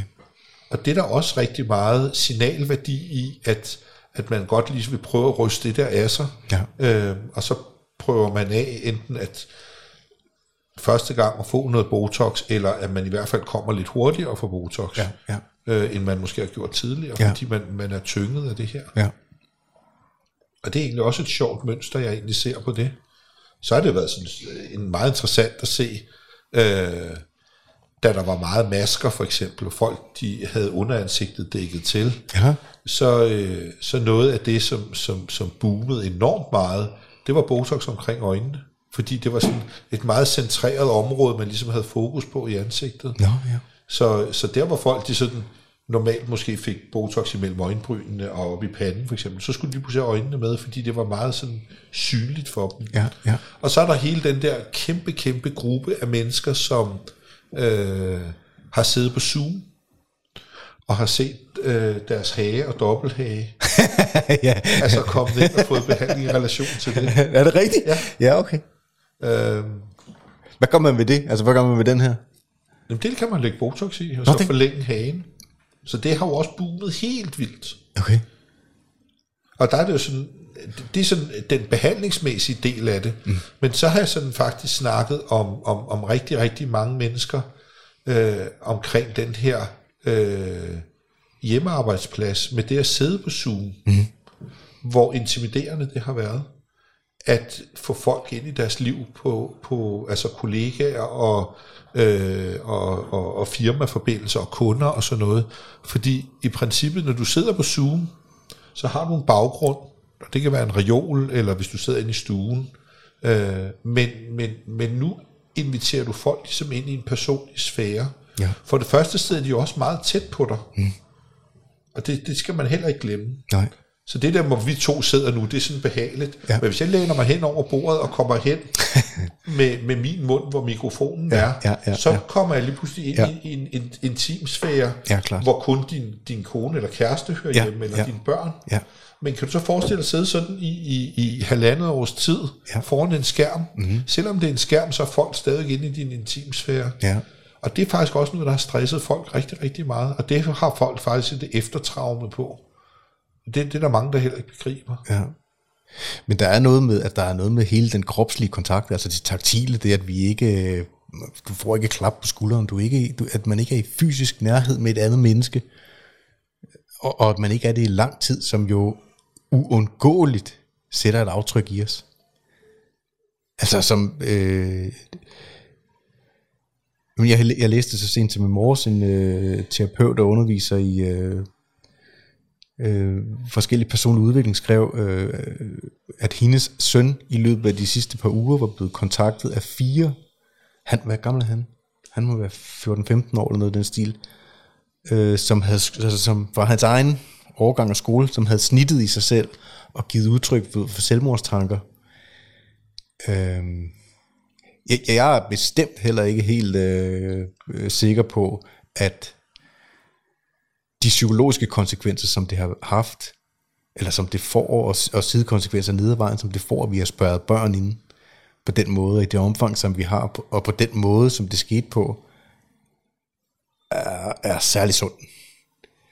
Altså for deres øh, psykologiske udvikling. Og, Og, og det samme med alle vores, vores, vores ældre og gamle medborgere, som, som, som har haft måske ganske kort tilbage, som, som har været med, med svære, svære besøgsrestriktioner. ja, eller slet Øh, ikke. Ja. Eller slet ikke måtte få besøg af nogen, hvor man kan så sige, jamen er det ikke misforstået omsorg, at, at, at man ikke øh, øh, må have den nærhed og den kontakt med de mennesker omkring en, der elsker en. Fordi hvor betydningsfuldt er det ikke, det der med at blive krammet og rørt ved og alt muligt. Og vi havde jo, øh, under det her havde vi jo familie, hvor min, min kones mormor faldt og brækkede hoften midt i hele det her coronahelvede. Altså, og hun lå fuldstændig konfus på hospitalet, hun måtte ikke engang få besøg. Øh, og så blev hun sat hjem i sin beskyttede bolig, og, og, øh, og blev overladt ja. til sig selv. Ja, ja. Øh, sad der og nærmest og kastede op ned af sig selv, og fik ikke noget at spise, fordi alt var der bare begrænset. Altså, når, når vi når derud, så, og hun sagde også, nu, nu må I fandme stoppe. Altså, hvis jeg ikke kan se min familie, så vil jeg hellere dø af corona. Det altså. det. Ja, det er det. Og ved, når folk når derud, det synes jeg bare er trist. Der er i hvert fald en afvejning der, som er skæv. Altså, som jeg tror er skæv for rigtig mange mennesker. Altså som i, i forhold til, hvad det er, man prøver at øh, dæmme op for de konsekvenser, som det har på alle mulige andre. Altså, at man så enøjet kigger på... Øh, og jeg er godt klar over, at vi skal ikke overbelaste sygehusvæsenet videre. Nej, Det men man kigger, man kigger på det narrativ, der hedder, at man vil ikke ligge højt i statistikken på gamle mennesker, der dør. Mm. Og man vil ikke, øh, nu, nu ligger vi meget lavt i Danmark, og man vil for guds skyld ikke øh, have, at der skulle ske det samme, som der skete i Sverige, hvor man havde decideret plejehjems øh, epidemier, kan man sige, og ja. udraderet rigtig mange ældre mennesker. Mm. Og det er heller ikke der, vi skal hen. Nej, nej, nej. nej. Øh, det er overhovedet ikke det, jeg siger. Nej. Men man skal altid passe tingene ind og så sige, jamen, men hvor er det fornuftigt, og hvor er det ikke fornuftigt mere. Ikke? Mm. Og man kunne sagtens tage nogle foranstaltninger, der gjorde, at det var muligt, at man skulle omgås og se hinanden, ved at man for eksempel var testet på daværende tidspunkt. For der var ikke noget, der hed vacciner. Nej, nej, nej. Øh, Er, den samme, er det den samme øh, mistro og så videre til systemerne og så videre? Jeg, jeg synes, jeg læste den anden dag, at du har meldt dig ind, eller er blevet meldt ind, eller noget i noget borgerrepræsentation på Københavns Kommune, eller noget... Øh, Nå, nej, det er, Nej. Sådan, det er sådan et borgerpanel, der Borgerpanel, er, ja. ja. Ja, hvor man bliver hørt som, som borger Som i borger, Københavns, ja. Københavns Ja. Kommune. fordi du har lyst til at give udtryk for ting, eller... Ja, det har jeg altid. Altså, Nå, hvis, hvis, hvis, hvis, altså, jeg, er jo, jeg er jo sådan en samfundskritisk menneske, og, og, og jeg siger, hvad der falder mig ind. Ja, Øh, og ja, jeg synes, der er for få parkeringspladser inde i København. Ja, ja, det skal man jo være, altså der skal man være halv kommunist for ikke at synes, at... Øh, og jeg, og jeg synes, der, er, der bliver taget alt for meget hensyn til cyklisterne, fordi at, at, at at, at de må være meget kede af at, at, at, at leve livet, fordi at, at de udsætter sig selv for rigtig, rigtig store farer. Mm. Øh, hvilket jeg ikke kan forstå. Altså, det må næsten være farligt at køre rundt på cykel herinde, når have corona, fordi... Jamen, det, ja, ja, ja, ja. Så, men det er sådan en helt anden historie. Så en ting, jeg gerne vil vende tilbage til, som jeg synes er meget sjov, og det der med, at, at øh, i min branche, som det vi oplever, og det som jeg selv oplever ved, at jeg lige er blevet 50 år her i maj, mm. det er... Øh, det er, hvordan vi anskuer hinanden, og hvordan at, øh, jeg kalder det altid attraktivitetsbarometeret, at det falder. Øh, og det er sådan en ting, der, der er psykisk rigtig, rigtig hårdt for rigtig mange. Ja. Det der med, at man ikke bliver anskuet som, som øh, den der lækkermås, man var før i tiden, både som mand og som kvinde. Ja. Øh, altså, nu kører jeg rundt i en dyr bil. Jeg synes ikke, at jeg er en grim mand. Altså, men, Nej, det er du bestemt heller ikke. Der er, ikke, der, er ikke nogen, der er ikke nogen, der vender sig om og, og, og, og fløjter efter mig mere, eller nej. kigger efter mig mere. Nej, nej. Der er ikke nogen, der skriver sådan en hemmelig besked til mig mere på, på, på Facebook eller de sociale medier. Nej. Fuck, du er lidt lækker, eller altså bare lægger an til et eller andet. Ja. Det er væk. Ja. Og, det, det ved jeg ikke. Øh, øh, jeg tror ikke lige, der er noget med corona at gøre, men, men, men, men, men, men det er da lidt irriterende, at, at der ikke er så noget mere. Jeg snakkede faktisk, øh, jeg har en af mine, mine kvindelige kunder, hun, hun er sådan midt 40'erne, øh, sprudlende rødt hår, store bryster og tidligere bikini-modeller og alt muligt, ser okay. stadigvæk hammerne godt ud. Ja, ja, ja. Øh, og, og hun, hun, hun fortalte mig faktisk en sjov historie om, om hun havde stået der i sin stramme tanktop nede i Irma, øh, og havde købt varelagten på bordet, det var sommer, og så stod der to stilagsarbejder sådan i midt 20'erne, som var lidt muskuløse og tatoveret, som, øh, og hun stod der sådan og savlede lidt over dem, så vendte de sig rundt og kiggede op og ned af hende, og så vendte de sig bare rundt igen. Og der var ikke den der med, at man vendte sig to gange. Nej, nej, okay. Så man følte sig bare kigget på, og så ja. du er nærmest luft. Mm. Og det er jo både hårdt, både som, som, som, som kvinde og som mand, ja, ja. At, at have den der fornemmelse, ja. Ja. Hvor, hvor man mere skal tænke over, at det ikke det ydre, der tæller mere. Mm. Nu, nu er det dybden i tingene, der tæller. Ja. Så der må også komme et eller andet tidspunkt, hvor vi ikke er velegnet til sådan noget som Tinder mere, for eksempel. jeg har aldrig, Christina og jeg har været sammen så længe, at jeg har aldrig prøvet, jeg har ikke engang prøvet den der app. Så. Øh, så, så jeg ved ikke lige helt, hvordan det, det fungerer, men jeg ved, Kim, at uh, der er lavet store øh, undersøgelser, altså med tusinder og tusinder af mennesker, hvor man har lavet... Øh, øh, altså over alle aldersspænd. Du har taget mænd fra 18 år og så opad til 80'erne, og så har man, så har man bedt dem om at rate kvinder, og rate, og det samme med, med kvinder med mænd. Ja. Og øh, øh, hvad kalder man det? Markedsværdien, den seksuelle markedsværdi ja. for en kvinde er, når hun er 20, 20 år. Altså, man tager, lægger alle dem her sammen, og så siger man, hvor, hvor piker kurven? 20 år for en kvinde, og 45 for en mand. Det øjeblik, en mand har demonstreret, øh, at han er i stand til at varetage en familie, tjene penge, kunne navigere igennem tilværelsen, have succes, overskud, øh, styr på sin fysik osv., øh, det reagerer den samlede pool af kvinder mere på, end øh, at du er ung og smuk som mand. Okay. Ja, det er lidt sjovt. Det er skide interessant, ja. ja.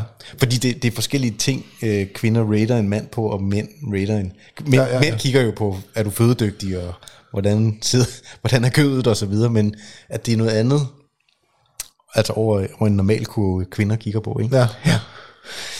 Jamen, det er meget sjovt. Ja. Men det er rigtigt, altså det, det man jo også kan mærke, når man bliver ældre, det er jo, at øh, både energiniveau og mm, også ens drive efter at gøre alt muligt andet ude i tilværelsen, den ligesom daler. Eller end, at det ændrer sig for en. Der, det, det er andre ting, der bliver ja, vigtige. vigtige. Ja. ja. ja. Hvornår blev du tatoveret? Er det, er det for nyligt, eller? Jeg tror, jeg har ligget, jeg tror, jeg har ligget lidt over 1000 timer. 1000? Ja. Jeg har jo kun min mave tilbage. Hvor du fået lavet Jamen, øh, de sidste 250 timer har været nede i, i VB Tattoo nede i Abel Katrinesgade. Nå, okay. Der har jeg faktisk fulgt en elev indtil han blev færdig. Okay. Manse hedder han, han er ja. faktisk super dygtig. Jeg håber, jeg kan få Henning, øh, en fyr, der har en, øh, noget, der hedder Royal Tattoo op, Op i Helsingør. Helsingør, ja. Jeg håber, jeg kan få ham ind og tale om tatovering. Jeg var der Han er fantastisk. Han er kraftet med sådan en dejlig dreng. Ja. Altså, f- at få, øh, for det er også sådan emne, du ved, som alle mulige har holdninger til. Jeg, jeg elsker tatoveringer. Jeg, Ja. jeg har streams øh, på, på Instagram, på de sociale medier, hvor jeg bare sidder og browser tatoveringer og ser på folks... Øh, ja, men det er jo også noget et valg at få lavet så mange på... Altså, at, at det hele kroppen, det er også benene, og du, du får Ja, lavet- men helt ud til tæerne, helt ud til neglene på tæerne, og imellem tæerne, Hvorfor? fordi jeg kan.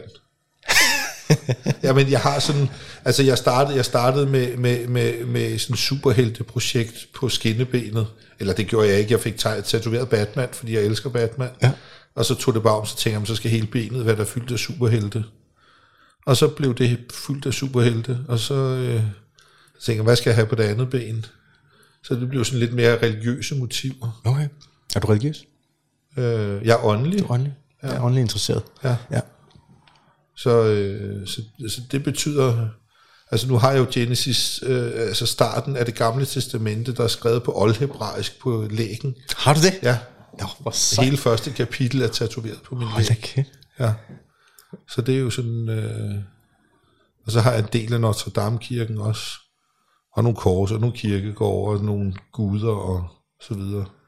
Øh, så har jeg noget af himmel og helvede, øh, der kæmper mod hinanden på hele året. Så, så det fortsætter sådan op igennem. Mm-hmm. Og det synes jeg bare er interessant.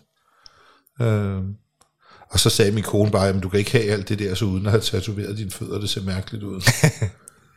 så, så, Så kom fø- fødderne med. så fik jeg fødderne med, ja. Og hvad så, det er faktisk et helt fuld bodysuit, du har på nær? Det er lige på nær under brystet, og så ned til, til skambenet, og så rundt om kønsdelen har jeg ikke. Men Nej, nej, helt, ja, helt, helt op til i, i bunden af skridtet har jeg, mellem ballerne også. Så er jeg helt lukket. Det er sejt. Og vi, og vi, snakker, vi snakker lukket faktisk, med, så det er med skygger ind imellem, hvor det er hvidt. Ja, der ja, ja, ja, ja, ja, ja, ja. Også under armen og alting. Du har fundet på det hele selv, altså, Ja. eller du, Ja. ja. så, så i samarbejde med en tatovør har du... Ja. Hele ryggen består faktisk af de syv dødssynder for, for hvad hedder det? Det kan så pisse på mig. Nej. Og det er faktisk inspireret af den, altså at det er jo illustreret ud fra, hvordan jeg tænker, at det skulle illustreres Ja, ud ja, ja, fra. ja, ja. Jeg ved ikke, om du kan huske den film med Morgan Freeman Jo, godt, og Brad. Pitt. Ja. Ja, Jeg ja, elsker den ja, film. ja, ja, jeg selv, øh, altså det har jeg heller ikke, lægger jeg heller ikke skuld på, jeg er selv kristen, og det, særligt det gamle testamente optager mig ret meget, Ja. altså, og historierne i det, og de psykologiske mekanismer, der er i det, og historierne, der er bygget ind, og nærmest er bygget ind i det stof, vores hjerne er lavet af, altså i hvert fald den måde, vi i den vestlige verden anskuer verden på. ja. Øh, Men der har du også, og før det har du hele kabalaen, som jeg synes er meget fascinerende Ja, med, ja. med, hvordan vi tager energier fra hinanden. ja, Øh, det kan man gøre i, på ondskabsfuld vis, men man kan også gøre det på, på, på positiv vis. ja, ja, øh, så man, man giver hinanden energi, øh, så man giver, og så fra, tager fra andre og giver til andre, Ja. øh, og selv vokser med det. Så det synes jeg også er, det er jo også derfor, jeg har den her på. hvad er det? Jamen det er jo faktisk en del, at hvis du ser dem, som har læst Kabalaen, så har de faktisk, De har altid en rød tråd på, Ja, ja, ja, er det, ja, ja. så skal du have den på venstre, når du er ja. gift. Har du været i Israel? Nej, Nej, ikke, nej. Jeg kunne vildt godt tænke mig at komme til, men det er jo nok lange udsigter lige i øjeblikket. Ja. ja der bliver arrangeret sådan en tur derned. øh, Jeg har haft en gæst forbi, en fyr, der hedder Claus Årslev, øh, og jeg håber at have en anden fyr forbi også, som kommer og fortæller om tempelridder. De laver sådan en tur, hvor man følger i tempelriddernes fodspor igennem øh, øh, Israel, og så flyver man videre til Portugal, øh, ned ved Tupasa, hvor øh, ser nogle af de ting, de har bygget dernede. Det vil jeg vildt gerne med på sådan en tur det at er se. sådan meget spændende. Ja. Ja, for der ligger alt muligt gemt i vores historie, altså hemmeligt, eller ufortalt, eller et eller andet. øh, Jeg ved ikke lige helt, hvorfor det er, at vi ikke sådan bringer det tydeligt op. Altså, jeg har jo været meget fascineret af pyramiderne, så jeg har været Nå, det- ja, i, ja, øh, i starten af 90'erne, også dengang du måtte kravle uden på pyramiderne. Ja. Jeg har været inde i Keops-pyramiden og alt sådan noget. Ja. Øh, det jeg synes jeg var meget fascinerende. Men der, det er som om for mig, der er, en, der, der er ligesom en tråd af, øh, det, der er en tråd af visdom, der er trukket igennem historien i nærmest sådan en, man kan ikke sige en lige linje, men nogen, der oralt har overfortalt, eller har, har overleveret verbalt til hinanden, du ved, fra Ægypten og hele vejen op igennem også den kristne historie, som så er blevet i tempelriderne og sidenhen er kommet i frimurerne og så videre. Altså der er en, der er, og som også spreder sig til, til Israel og til Kabbalaen, Ja. øh, som bliver trukket hele vejen op igennem historien og overleveret på den der måde med ritualer og alting, som jeg, jeg, jeg er også kun nået tilbage til, til Ægypten. Altså, der ligger noget der. Og så, og så, valgte, så valgte vi jo så at, at tage en, en, en helt ny vej, fordi så vi tog jo, øh, min kone og jeg var jo i Mexico mm. i over en måned, hvor vi kørte igennem Mexico, og, hvor vi faktisk var oppe og undersøge og udforske alle de her Maya-pyramider. Det var sådan noget helt andet jo. Nå, hold kæft. Og det er jo Det også... var mega spændende. Og helt, helt anderledes. Ja, Fordi det er jo sådan meget mere dødsrelateret, og, og, og det der med at, at hylde døden på en helt anden måde, end, end, end hvad Ægypterne anskuede. Øh, øh, hvad hedder det? Øh, altså funktionen af pyramiderne. Det er sådan, det er sådan en meget, meget fascinerende øh, oplevelse, kan man sige. er det ikke specielt, at man har bygget pyramider? Ind midt i junglen. Helt vanvittigt. Men så kan man så Du har sige, været ude at se dem. Er det i Peru, eller er det Mexico, dem du har set? det er Mexico. Mexico, ja, ja, ja. ja. Men det er jo lige så vanvittigt at bygge en pyramide midt ude i nørken. ja. hvis det er mennesker, der har bygget dem, ikke? Det er jo det. Det er, jo, det, det, er jo, det er jo lige præcis det. Hvis først man begynder at rulle ned ad den der vej, så er der ikke nogen, så er der ikke nogen ende. Så. Det kan man, øh, altså, der har været mange, der, jeg har brugt mange sene YouTube-timer på det, på det der, og kigge på forskellige Men eksperter. det er jo sådan noget, der også er kommet frem nu, Ja. i forbindelse med alt det her med coronaen. Altså, det, det sådan undrer mig, hvor, hvorfor kommer det frem nu? Om det der med, om vi, om vi er alene eller ikke alene. Altså, helt Nå, har du, fulgt, du har også fulgt med hele det der Ja, ja, amerikanske, Ja. ja. at de nu har sluppet, øh, eller en, Jamen, endelig, hvorfor kommer det frem nu? Altså, det er jo sådan noget, der undrer mig, at... at øh, og det er jo sådan, øh, igen det der med, jo mere der slipper ud, jo mere dækker man over nogle andre cover-ups, ikke? Mhm. Så jeg, jeg er jo en af de der mennesker, der tror, man ikke har landet på månen. det gør du ikke. Nej, Nej, nej, men altså, Det- det, det er og bedrag. jeg, jeg, jeg har brugt ret meget tid på det Ja. også, altså, uden at jeg, Ja. Øh, ja. fordi som jeg stadig siger, hvorfor har man ikke landet på månen igen 50 år efter? Det er... Al- Altså, alt vil jo tale for, at man vil begynde at mine, eller et eller andet, så man vil, man vil bruge noget af det, øh, og så kan man så sige, at okay, det er bare sten, det er dødt, det er ikke noget, vi kan bruge til noget til materiale. Ja, ja, øh, jeg nærer samme skepsis som dig, og sammenfaldet med, øh, hvad hedder han, øh, øh, ham der laver, hvad fanden hedder han, øh, jeg tabte lige hans, ham, ham, der også, ham der også laver Ice White Shot, øh, filminstruktør, han laver jo en rumfilm lige inden, hvad fanden er det, den hedder? Hvor de udvikler specialkameraer og alt muligt, øh, det har du ikke set. Nej, nej. Nej, Nå, men altså, hvor, hvor, man, hvor der er alt muligt, der i Sol, Måne, Stjerner, der taler for, at han har været involveret i at filme de optagelser, som man har filmet, øh, som man skulle have filmet. Men altså, igen, folk kigger jo på en, som man er... Hvis ikke man har brugt noget som helst tid på det, så kigger folk jo på en, som om man er fuldstændig skør. Ja, ja, ja, Og aviserne øh, skriver jo igen og igen, det... Øh, selvfølgelig har vi været på månen. Men, men hvorfor vi så ikke har været der siden 72, 72 eller hvornår det sidste var, man var der? Ja, ved du hvad, altså når, når, man, når, man, når man kan tage et, et, et, et satellitbillede af månen helt ned i, i, i mikrodetaljer med en lille sten, der ligger der, men man ikke kan tage et billede af et fodspor, eller hvordan fladet ser ud den dag i dag, mm-hmm. eller det de efterladt, det, det, det øh, har efterladt derop, det, det, det forstår jeg stadigvæk ikke. Og så forstår jeg ikke, hvorfor russerne ikke har været oppe og sætte et flag ved siden af, der er endnu større, hvis det er det. Ja, eller kineserne nu. Ja, Det skulle man jo forestille sig, at de vil være rimelig... Så. Ja. Jamen, verden er fuldt af den slags, altså vi skal slet ikke åbne 9-11, fordi der kan vi sikkert også... Øh, ja, ja. ja.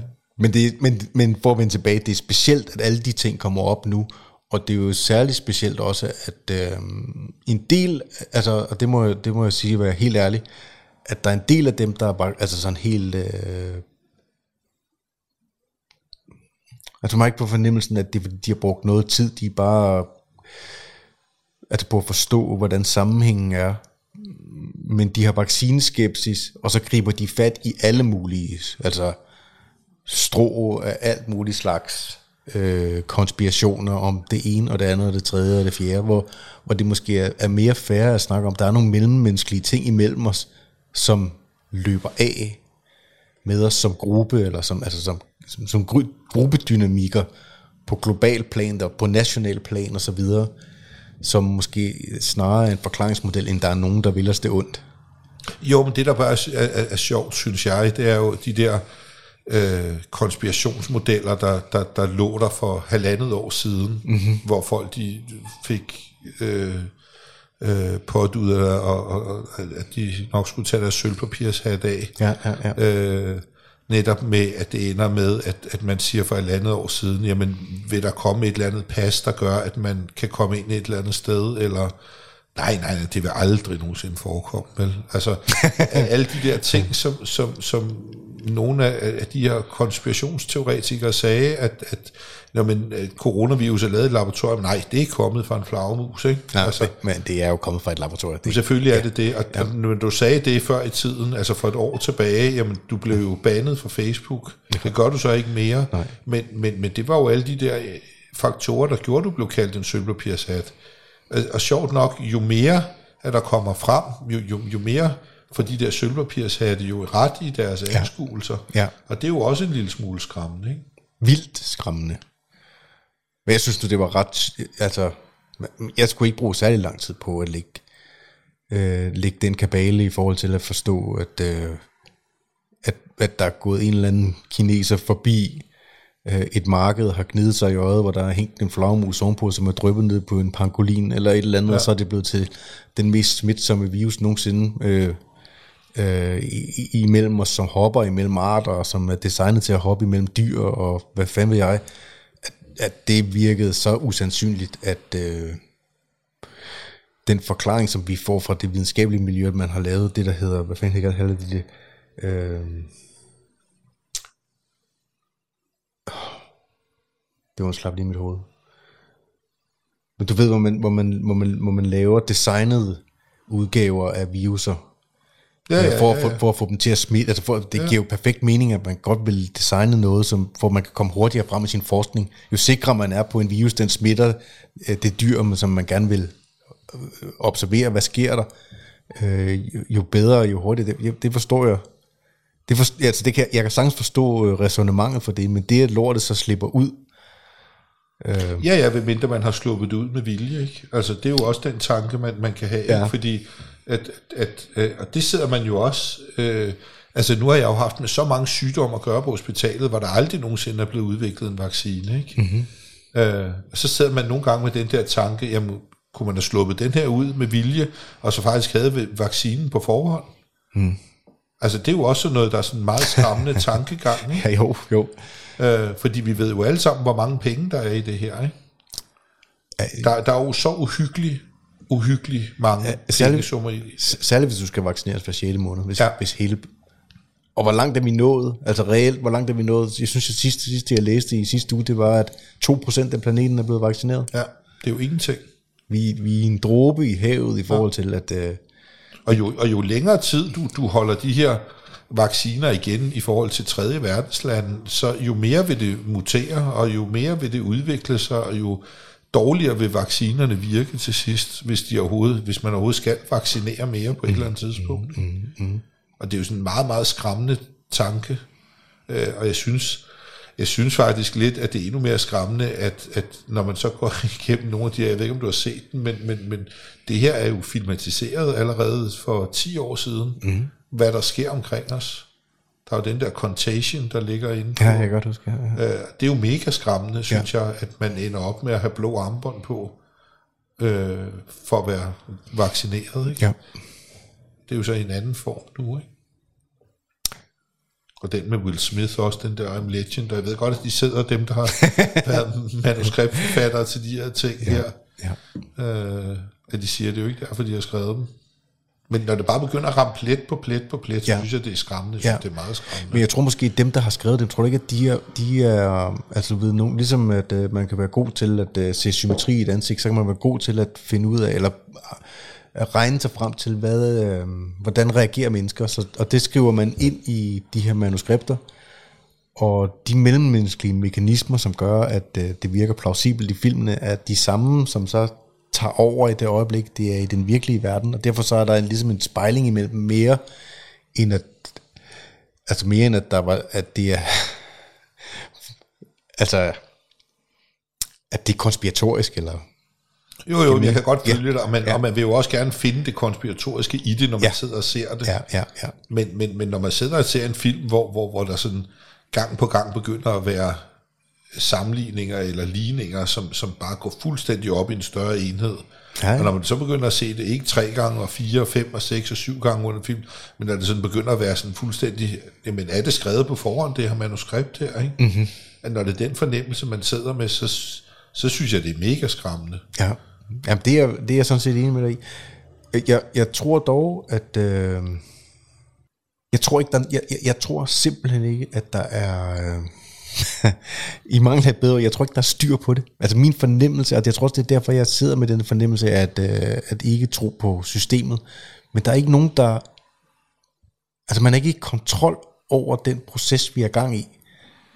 Der er ikke nogen, der øh, er, er, har et, øh, altså som sidder og har et, har et overblik over, øh, hvordan kommer vi ud af den her gordiske klude? Ja, det, det, det, det tror jeg. Det, det tror du, det er? Ja, ja, ja det, det er, og det er lige præcis lavet sådan, så, så at, at sådan en som dig, som, som egentlig er tilpas, øh, jeg vil ikke sige konspiratorisk, men, men, men, men i kontrol over mange faktorer i dit liv, og du ved, hvad du vil, og du ved, hvad du ikke vil. Ja. Øh, det er netop for, at sådan nogen som dig stadigvæk sidder sådan en lille smule forvirret det er også en del af planen. At gøre det lidt blurry for sådan en som dig. Mm. Fordi så har du ikke rigtig noget at hænge tingene op på. Nej. Og det er det, der er smart. Og den er allerede gennemtænkt. Der sidder, der sidder omkring 40 mennesker, der styrer det her projekt her. Det, det tror jeg. Ja, 100 procent. Og så er alle verdens ledere bare dumme nok til at følge med. Og de er alle sammen med. Altså, jeg, ved, jeg, ved, det lyder jo lige til psykiatrisk afdeling, når jeg sidder og siger det her. Jeg havde, men, men, jeg havde ikke set Martin forbi, ved du, hvem han er? Ja, ja, ja. ja en dejlig dreng, hold kæft, man, han god samtale med ham. Men han havde jo sådan en, han har en diagnose, der hed, hvad kaldte han det? Han var skizofren af en eller anden slags, så han så, han kunne se ting, der ikke var der nogle gange ja, i bøger ja. og så videre. Men har på fornemmelsen, når du siger sådan der, altså, 40 mennesker? Det er eliten i verden, ja.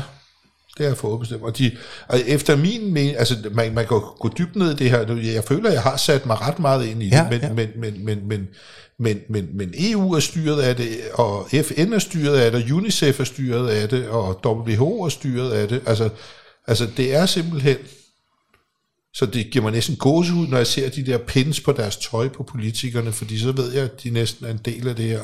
Jeg ved godt, det, det bliver sådan meget paranoidt. Men, men, men jeg tror, det er en, en større plan, det her. Men, op, men hvor langt ned tror du, folk er bevidste om, at, at noget sådan skulle være? Jeg forstår du, hvad jeg mener?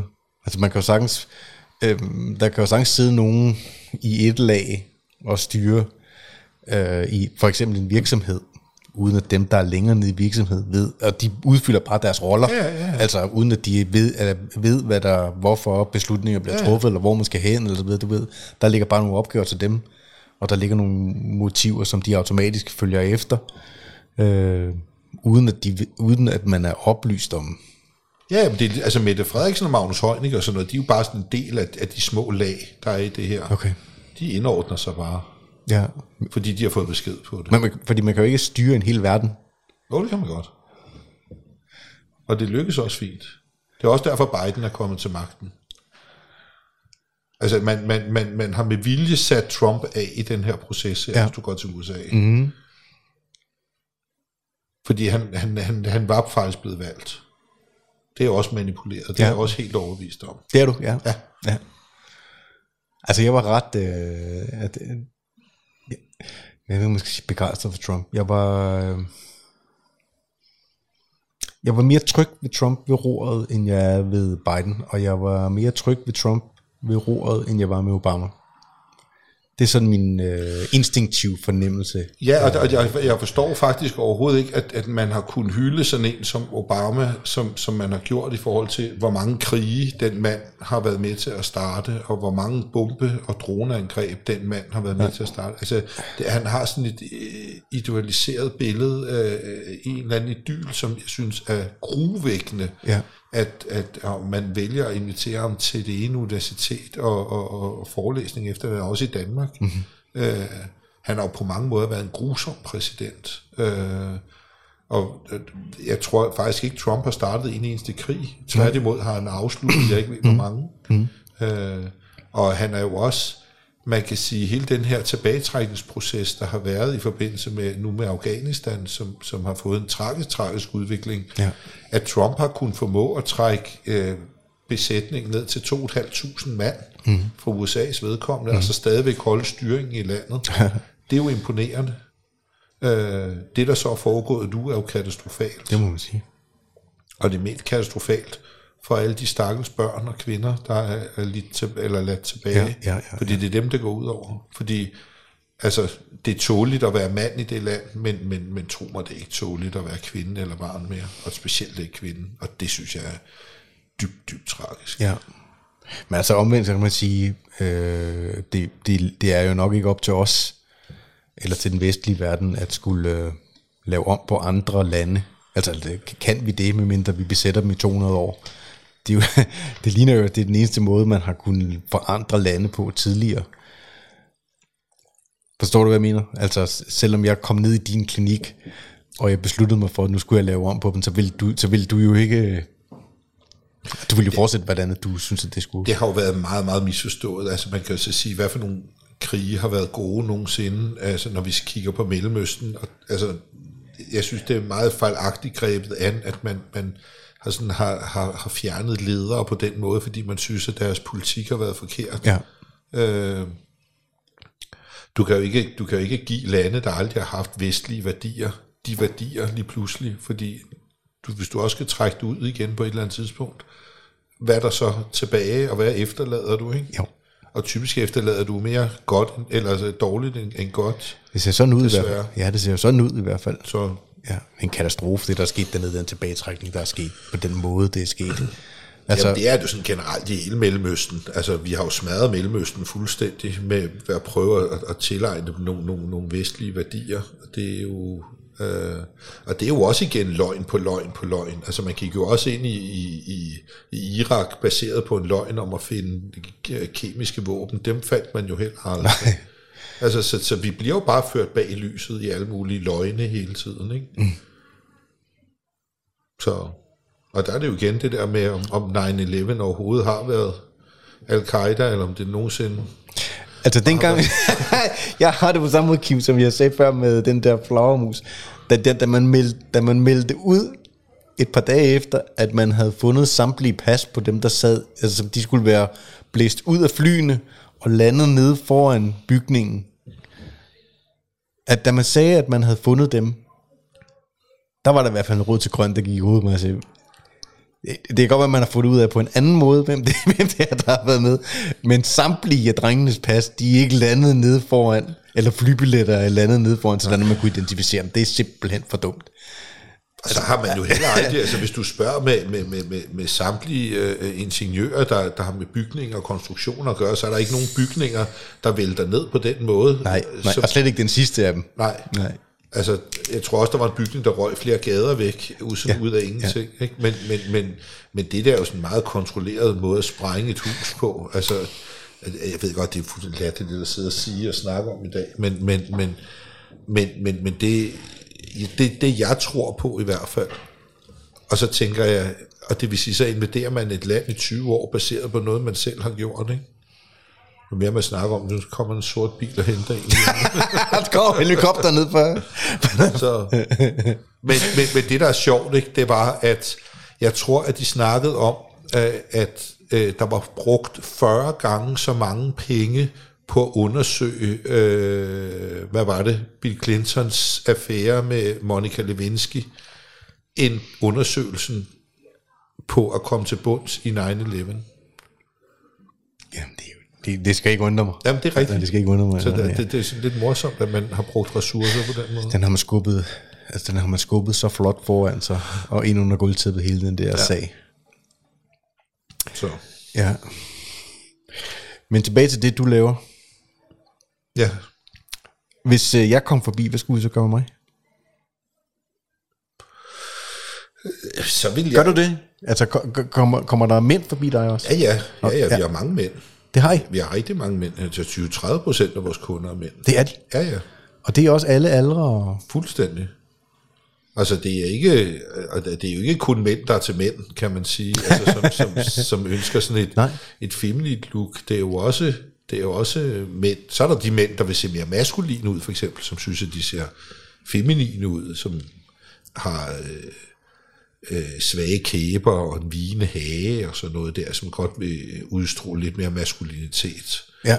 Øh, dem har vi en del af. Og så er der jo hele den der kategori af, øh, det er jo lige fra bankdirektører til ejendomsmalere, som sådan ser trætte og uoplagte ud, som godt vil sådan være en, en god udgave og en oplagt udgave af sig selv, så de sælger bedre og sælger sig selv bedre.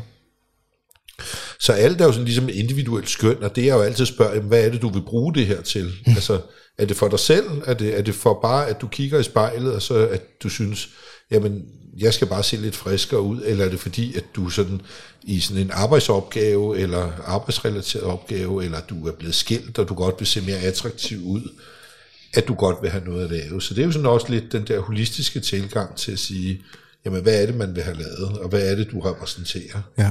Altså, når jeg sådan lige umiddelbart kigger på dig, så synes jeg ikke, der er noget at tage sig til. Okay. Og det siger jeg ikke bare for at sidde og smire der, dig. der er ikke noget at gøre ved det, mener du? Jo, jo. det kan ikke rettes op.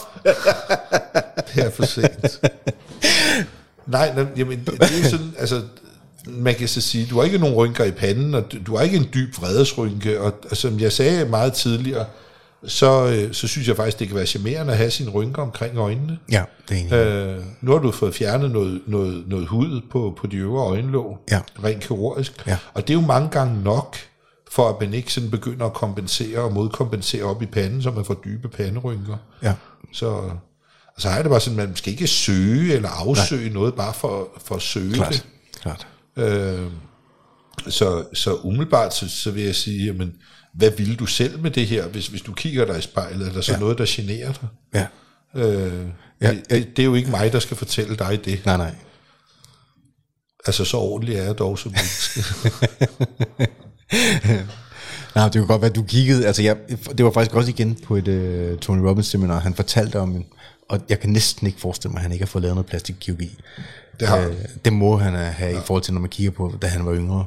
Men han fortæller i hvert fald om ham her, den vildt dygtige plastikkirurg, øh, som, er, som er bedre og mere besøgt end alle de andre, fordi at han er i stand til at, øh, at, at se på et, på et ansigt på en anden måde, end at, end at folk, der tror, de skal rykke rundt på det hele, så, så er han i stand til bare at rykke 1 mm på den, og 1 mm på den, og 2 på den, og det gør så, at, at ansigtet ændrer karakter.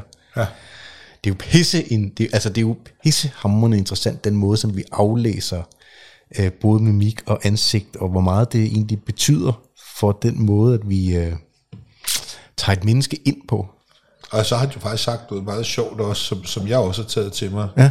Fordi at øh, det der med at prale med sig selv, det må man gerne, hvis man er dygtig nok til det. Ja.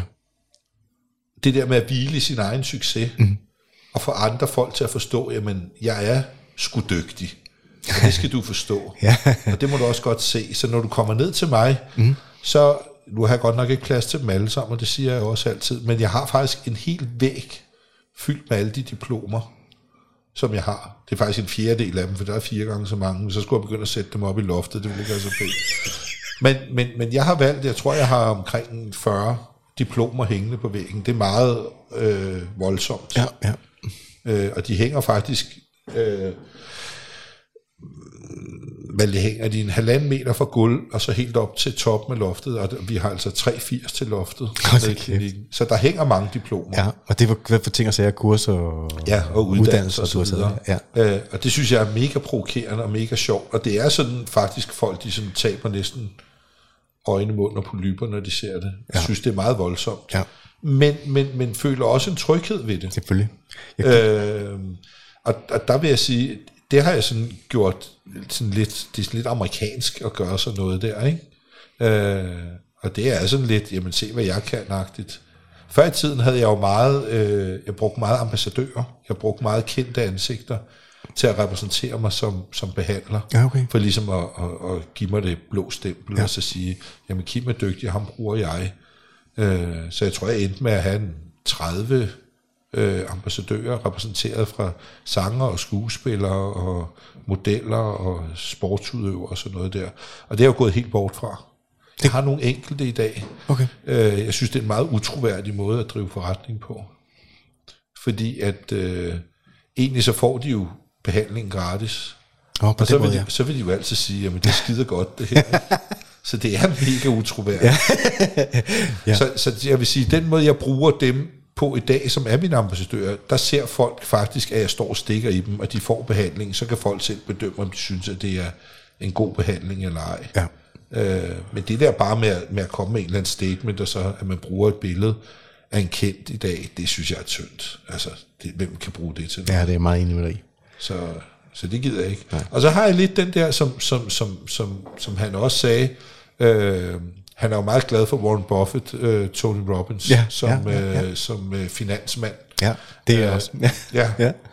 og han er jo også meget inspirerende. Ja, helt. Øh, og noget af det, som, som, som de har jo haft sådan nogle øh, money NLP på Hawaii. Mm. Øh, jeg har aldrig haft råd til at deltage i det, for det er meget, meget dyrt. Men, ja. men jeg har set øh, nogle af de her øh, ting, og jeg har været på sådan nogle minikurser i relation til det, Mhm. mm. som de snakker om der. Men, men der er det jo sådan meget, og jeg kan huske fra, da jeg var i, i, i Las Vegas og underviser, Øh, det var, der var jeg lige blevet 40, og jeg havde et, et, et, øh, et Seamaster, et Rolex-ur i ren guld. Ja. Øh, og så efter at undervise, så kom der en, en, en plastikkirurg over til mig, som havde et ur med en til men i stål, og så sagde han til mig på engelsk, at, øh, at jeg måtte fandme må være dygtig til det, jeg lavede, siden at, at jeg kunne have sådan et, et dyrt og lækkert ur. Øh, og det var han meget ydmyg overfor, fordi han havde kun i stål. Øh, og det for ham signalerede, at, at jeg var dygtig til det, jeg lavede, Mhm. Ja, ja. ved at have et dyrt ur. Øh, og så har den så gået igen også på det der med, at øh, når jeg snakkede med nogle af dem fra Los Angeles, at øh, hvis man som behandler, nu er det så meget med plastikkirurgi eller plastikkornet derovre, at hvis du så også havde en dyr bil, der holdt foran klinikken, jamen, så må du fandme være endnu dygtigere. Hvis du så både havde et dyrt ur og en dyr bil, så, så må du være number one. ja. Øh. Og en lækker kone. Og lækker og smuk. Nej, det, det, de plejer faktisk at, at, at trække den anden vej rent økonomisk. Men, men, men, men, men, men det er sådan de der to signalværdier, den dyre ur og den dyre Ja, bil, ja. så, så må du virkelig være dygtig til det, du lavede. Klart. Og den, den har jeg taget lidt med mig, den har jeg så beholdt, for den synes jeg er meget sjov. Ja, det er godt. Det. Øh, Jeg var på et... Øh, jeg kan lige tage herop. Vi jo, for nogle år siden, der var vi på... Han lavede sådan et... Øh, en, en, øh, der hed Business Mastery. Der lavede han to af. Der vandt vi øh, første præmien på hans... Øh, et kursus, der var derovre, hvor der var milliardærer med i London. ja, øh, hvor der var sådan en konkurrence under hele øh, af de fem dage, eller hvor meget det nu var. Jeg var Ja, ja, ja, med Nicolai Mborkelet, en kammerat, ja. og et par andre kammerater, der vandt vi den her. Men i gamle dage, det du siger med Hawaii, Ja. der lavede de nogle fuldstændig sindssyge kurser. Altså i dag, der, det- hans kurser i dag er jo vanvittige, men dengang var de jo fuldstændig ude af, den her, ude af kontrol. Der, sendte, der startede de kurset, de var færre mennesker, de var måske på 100, så fik du en kuglepen, når kurset startede. Og så fik du seks dage. Den, der kom tilbage og havde omsat den her kuglepen til mest værdi, havde så vundet Ja, ja, ja, første præmie ja. Og så tænker man, okay, hvad fanden kan en kuglepind blive til, ikke? Altså på seks dage. Jeg kan for helvede ikke blive så meget. Dem, jeg har set video af det her, dem der, dem, der vandt det kursus, kom flyvende ind i en helikopter, kom flyvende tilbage med, i en helikopter med en pose, eller med en øh, kuffert fuld, fyldt af penge. Du ved, hvad man har startet med at have en kuglepind og sagt, vil du bytte den her kuglepind for to flasker vand? Ja. Vil du bytte de her to flasker vand? Og så brugt seks ja. dage på at finde ud af, hvor meget værdi kunne man egentlig skabe, ikke?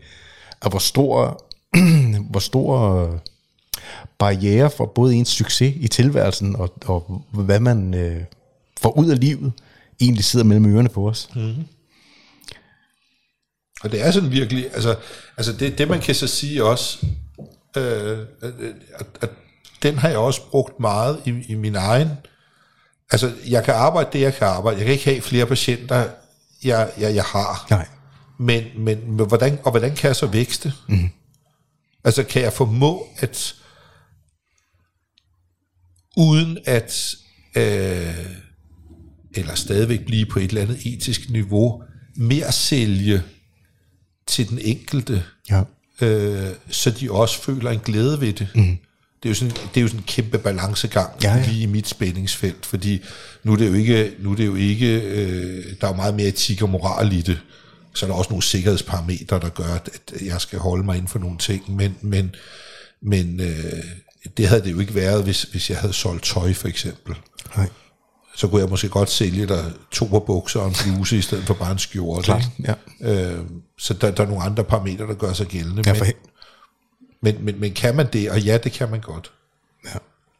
Er det farligt? Altså er der noget med? Du ved, nogle gange så hører man jo noget, for, specielt når folk de går i selvsving over, at øh, de hører om en eller anden, der har fået lavet et eller andet, og siger, Nå, men det er også, som du selv siger, øh, det er gået helt over bord, eller et eller andet, og jeg vil aldrig få sprøjtet den slags gift ind i mig, og så videre. Er, er vi igen ude i øh,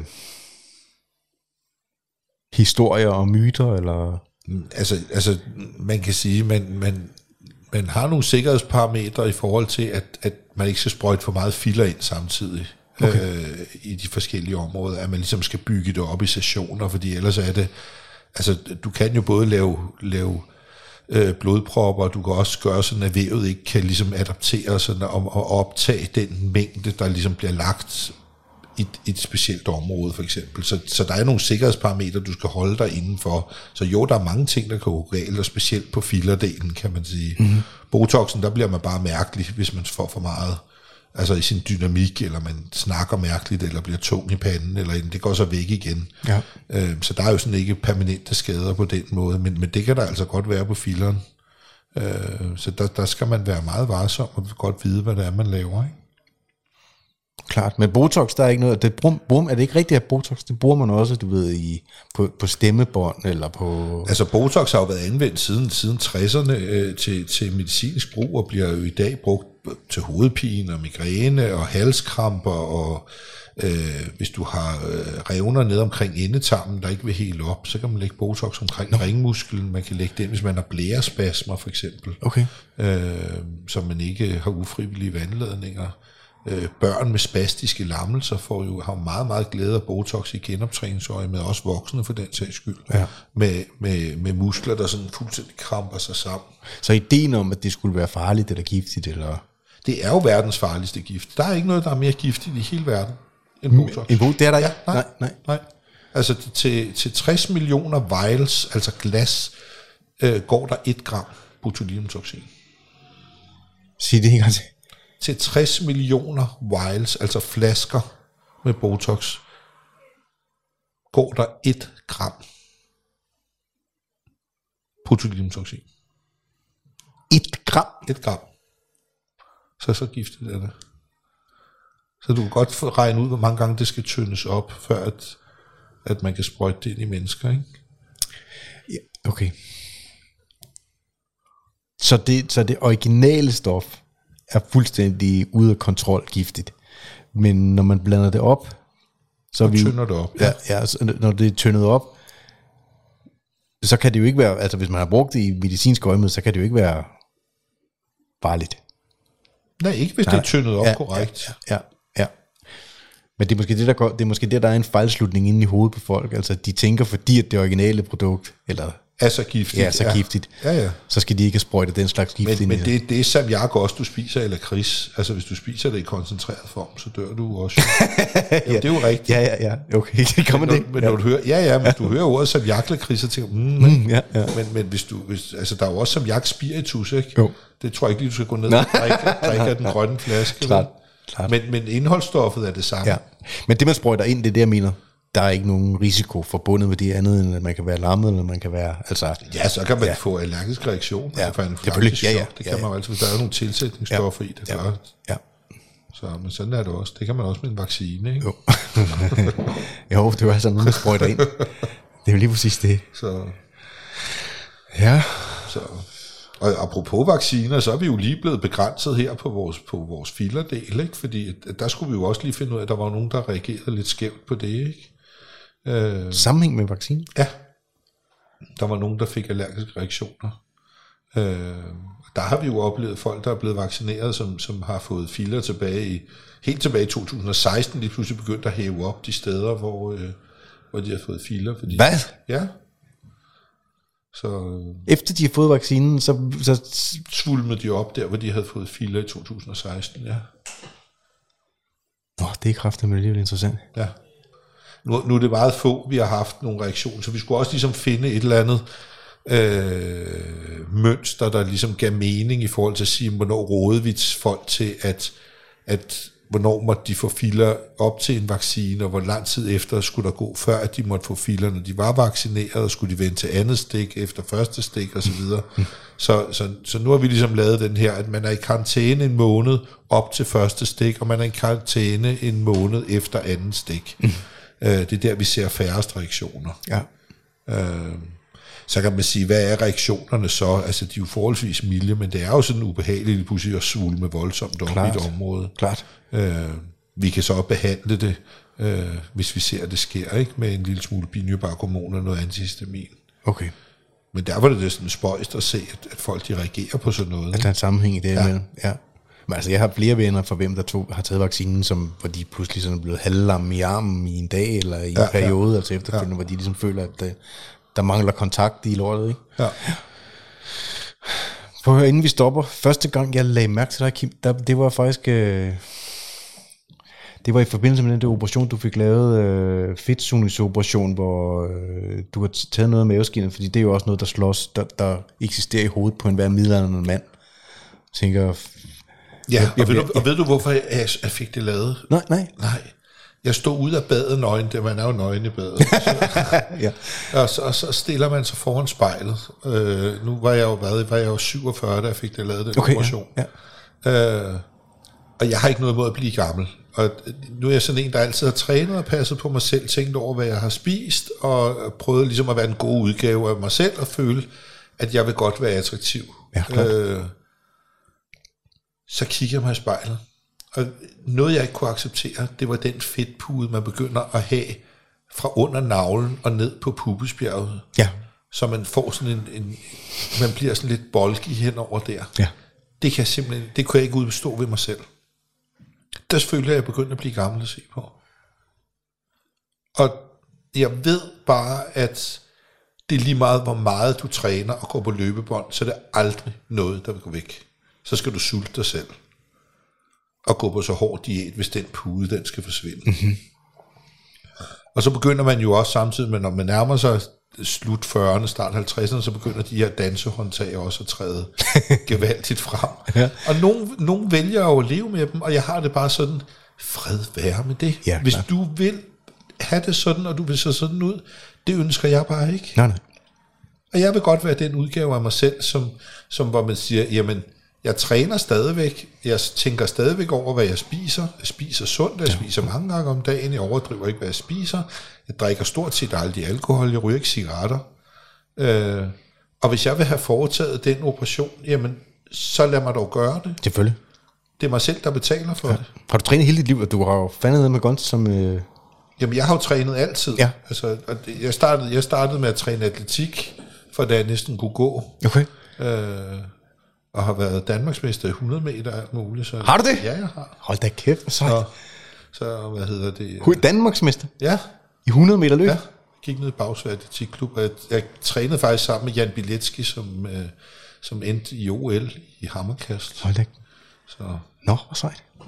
Men, men, men, men, men jeg har altid gået op i træning, og jeg har altid været aktiv på den måde. Så, så det der selvbillede af, at man bliver ældre, og man, man, man kan ikke ligesom følge med og kæmpe mod alderen i forhold til, at man også ligesom vil bevare den der trimmethed og den der sådan lidt mere spænst i kroppen. Så også får en lidt yngre kone, ikke? fordi det skal være det, der gør det, så, Jamen. så man godt lige være en endnu bedre udgave af sig selv.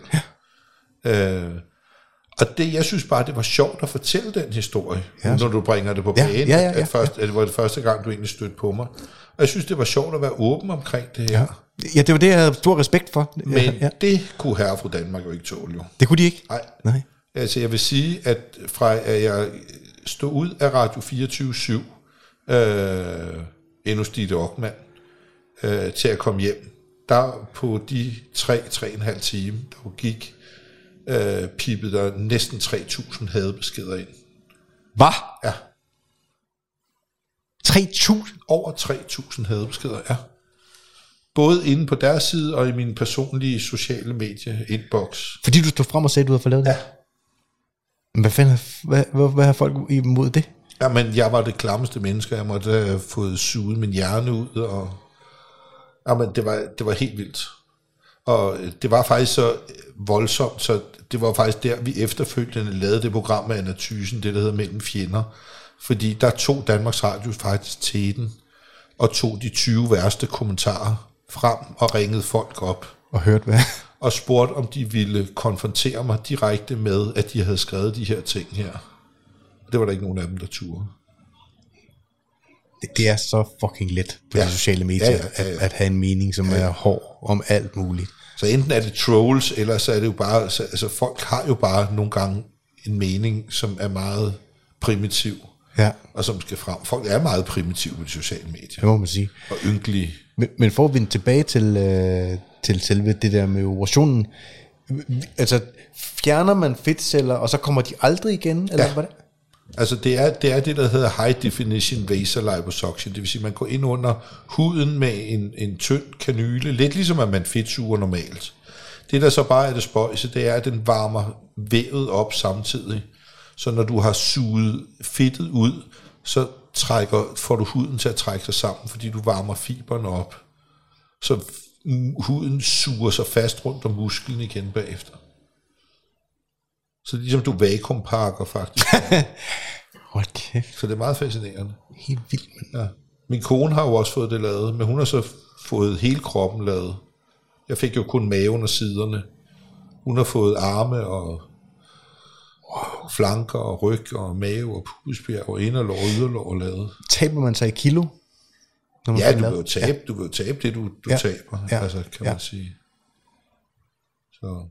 Altså, jeg tror, jeg stod, jeg stod på en kampvægt på lige omkring 112-114 kilo, da jeg fik den lavet, og så røg ned efterfølgende på, på 100, hvad, 6-7 stykker, ikke? Jeg var færdig. Kæft, er det vildt. Det er også vildt, at man kan. Ja. Ja. Og kom, det kommer ikke igen? Nej. Det, Altså det, man skal passe rigtig, rigtig meget på med bagefter, det er jo sådan det komiske, fordi altså, du får jo fjernet alt det yderliggende fedt, der er også imellem mavemusklerne, men du har jo stadigvæk, du kan jo stadig producere fedt ind imellem tarmene for eksempel. Ja, okay. Så det, man skal passe på med, det er jo, at man ikke får sådan en, en, en ølmave øh, Ja, ja, ned under sixpacken, fordi så, så ser det ud som om, er, man er overvægtig og stået op af trådhegn ja. med maven. Så. Klart nok, men det fedt, der er er jo så også af en anden karakter, og, ja. Ja. og langt farligere, ja. altså for helbredet. Præcis, øh, ja, præcis. ja, ja, jeg havde Kado- Kadogan, nu skal jeg bare sige hans navn rigtigt, Ja.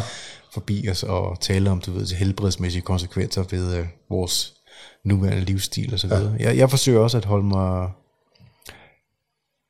altså spiser sundt, og jeg drikker næsten, altså, jeg drikker, når Christine, hun drikker. Ja. øh, træner fem, seks gange om ugen, og prøver at leve et fornuftigt liv. Ikke? Også jeg har problemer med søvn. Det der med at kommunicere mig. Jeg er for, jeg er for nysgerrigt menneske, så jeg, jeg, jeg, jeg får ikke Ja, lagt mig. det, det, ja. det, er, det er blevet enormt god til. ja, okay. Øh, det er at gå i seng og sove. Og simpelthen slukke på kontakten. Så hvordan er din døgnrytme? Jamen, jeg går i seng klokken... Typisk går jeg seng der ved 11 tid. Ja. Og så står jeg op klokken halv syv. Ja. Hvis jeg har nogle projekter... Øh, øh, jeg havde det rigtig skidt, efter vi gik i gang igen efter corona. Øh, der kunne jeg ikke falde i søvn, og jeg vågnede klokken halv fem om morgenen, og så kørte min hjerne derud af. Ja. Og så tænkte jeg, det må jeg omsætte til et eller andet. Og der startede jeg jo hele det her akademiprojekt, jeg sluttede af. Så jeg fik øh, designet hjemmeside. Jeg, jeg, jeg tog hele køkkenet og, og hvad hedder det, øh, og tapserede væggene med øh, omvendt gavepapir, så det hvide var fremme, og så havde jeg en masse sprittusser. Og så når jeg vågnede om natten eller tidligt om morgenen, så havde jeg det som projekt. Så begyndte jeg bare at stå og skrive på væggene. Og det gjorde jeg i 40 dage.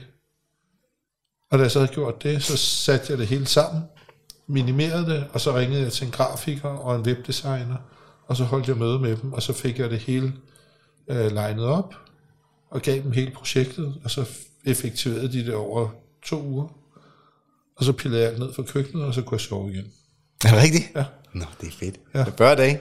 Ja. Det er lidt sjovt, altså Jesus i ørkenen i 40 dage. Ja. ja. Men det, det lykkedes. ja.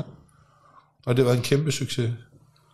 Og det er bare lige det, jeg skal lære at glæde mig over, at tingene bliver en succes igen. Ja, ja, ja. Det tror jeg, vi alle sammen skal i, Ja. ja. i et eller andet omfang. Altså, det har fandme nede med at være en mærkelig tid. Og jeg håber, 7, 9, fucking 13, altså at øh, vi ikke kommer til at skulle igennem en nedlukning igen. Øh, og at tingene bare bliver ved med at bevæge sig imod noget, der er mere normalt. Ja. Det håber jeg. Jeg er ikke sikker på, at det bliver sådan, men jeg håber det. Jamen, jeg, tror, jeg tror aldrig, vi når tilbage til, til det normale igen. Jeg, Tror du ikke? Nej, nej, nej, det er slut. Der bliver ikke noget, der være som før. Og hele deres koncept med Bilk, hvad er det, de siger, Bilk, uh, better back, eller ja, ja. Det, det, det, den er helt gal. Det bliver, aldrig, det bliver aldrig det samme igen. Desværre. Det håber jeg satan om ikke, du får ret i. Altså, fordi så, så er 1980'erne eller 1990'erne jo altså den anomali. Ja. Uh, jeg, jeg føler mig, i øjeblikket føler jeg mig så privilegeret over at have levet i 1980'erne og i, og i 90'erne, mm. i forhold til, hvordan verden den er i øjeblikket. ja. At det, Det føles, kun værre. det føles som om, det var en... Det skal jeg ikke sige. at det var en sådan gylden tid, Ja. i forhold til, hvordan det er. Jeg, jeg håber fucking, at vi kan komme tilbage til, hvordan det var, da vi var på sporet af, at, at, at, der er en fyr, der hedder Douglas Murray, som, som udtrykker som om, at, at det var som om, at toget ligesom var kommet ind på perronen og var ved at sakne ned, og vi var blevet enige om, at øh, det var ligegyldigt, hvilke farver du havde, det var ligegyldigt, øh, hvordan du så ud, og det var ligegyldigt, hvor du kom fra, og hvad du troede på, at, vi, at der var sådan en form for brotherhood of men imellem os alle sammen, hvor vi kunne øh, glædes over vores forskellighed, som simpelthen bare er smidt ud med badevandet i øjeblikket. Men jeg tror, du skal lære at tænke anderledes. Hvordan skal jeg så tænke? Det bliver en mere kynisk verden. Du skal kæmpe hårdere for tingene. Hvad tror du grunden til det er? Jamen, jeg tror, vi er blevet ødelagt. Jeg tror, vi har, har mistet øh, vores frihed, vores frihedstrang, vores evne til at udvikle os øh, frit øh, og tænke frit. Vi bliver hele tiden begrænset, vi bliver hele tiden dunket i hovedet med alt muligt. Vi, vi tør ikke gøre noget mere, og det er jo sådan både i forhold til, til at myndighederne holder os nede, men, men vi er også inde i sådan en krænkelseskultur, hvor man ikke tør sige noget frit mere, ja, ja. fordi at, at så bliver du også dunket mm-hmm. i hovedet. Så, så, så hvem ved snart ikke, hvad man kan gøre rigtigt mere. Nej. Jeg, altså, jeg har besluttet mig for, at jeg, jeg vil ikke... Så må vi se, hvor længe jeg kan bære den energi, men det vil jeg simpelthen ikke finde mig i. Altså, jeg vil ikke finde mig i, at, øh, jeg ikke må tænke og tale, som jeg har lyst til. Jeg, jeg, jeg vil sige, at, at jeg har været sådan en meget open-minded menneske. Ja. Øh, det er jeg ikke mere. Og jeg kommer heller ikke til at være det fremadrettet. Jeg kommer ikke til at skrive noget, altså jeg kan godt skrive sådan nogle, nogle, nogle filosofiske ting og tanker omkring tingene på sådan øh, de sociale medier og sådan, men, men jeg kommer ikke til at, at være en del af, at, selvom jeg kan være fuldstændig enig med, med, øh, med grupper, der er kritiske omkring øh, øh, håndtering af diverse ting i, i verdenssamfundet, kommer aldrig til at melde mig ind i sådan en gruppe, jeg kommer ikke til at like noget, jeg kommer ikke til at kommentere noget, fordi jeg føler simpelthen, at, at, at, at så øh, sætter jeg et mål på mig selv i forhold til at være en del af, af en fjende af myndighederne. Og det mener jeg. Og du, du, du vil ikke være en fjende af myndighederne, fordi Nej. det, det, det, det Nej, så vil jeg hellere gå under radar. Så vil jeg hellere holde min kæft, fordi det nytter ikke noget. Jeg har, jeg, jeg, jeg, nu har jeg prøvet i, i 18 måneder at råbe op, mm. øh, og det er som at slå ind i en dyne. Så som min kone også siger, lad være med at bruge energi på det. Det er ude af vores hænder. Vi kan ikke gøre noget. Så lige nu har jeg ikke mere tilbage at sige. Jeg har ikke, jeg har ikke nogen mening, jeg har ikke nogen holdning tilbage omkring noget. Og der er ikke noget at kæmpe for. Så nu passer jeg bare mig selv. Passer på dig selv, passer på det, de nærmeste, Ja. og på det, der... Betyder noget for mig. Ja. Ja. Og det er rigtig, rigtig sørgeligt, det er blevet sådan. Det er ikke sådan, du ville ønske, det var blevet. Nej, Nej, jeg er rigtig ked af, at det er blevet sådan. ja. At det er så, nu vi to, Ja. så kan vi lave en gruppe sammen. Så Det været skide interessant at have dig forbi, Kim. Jeg håber ikke, at det er sidste gang, vi to vi træffer Jeg synes, det var sjovt. hinanden. Ja. ja, ja. Og jeg, jeg er nu i hvert fald helt bombe sikker på, at øh, jeg skal ned forbi dig, når jeg på et tidspunkt skal have øh, gjort noget med mit ansigt. Jeg ved ikke lige, hvornår det bliver, men øh, som alle andre, så regner jeg med på et eller andet tidspunkt.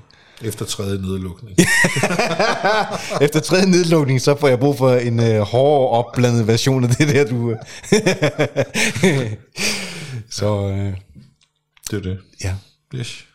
Så tak fordi du gad at komme forbi tak. og dele din tanke. Tak. Tak for i dag. Tak, tak.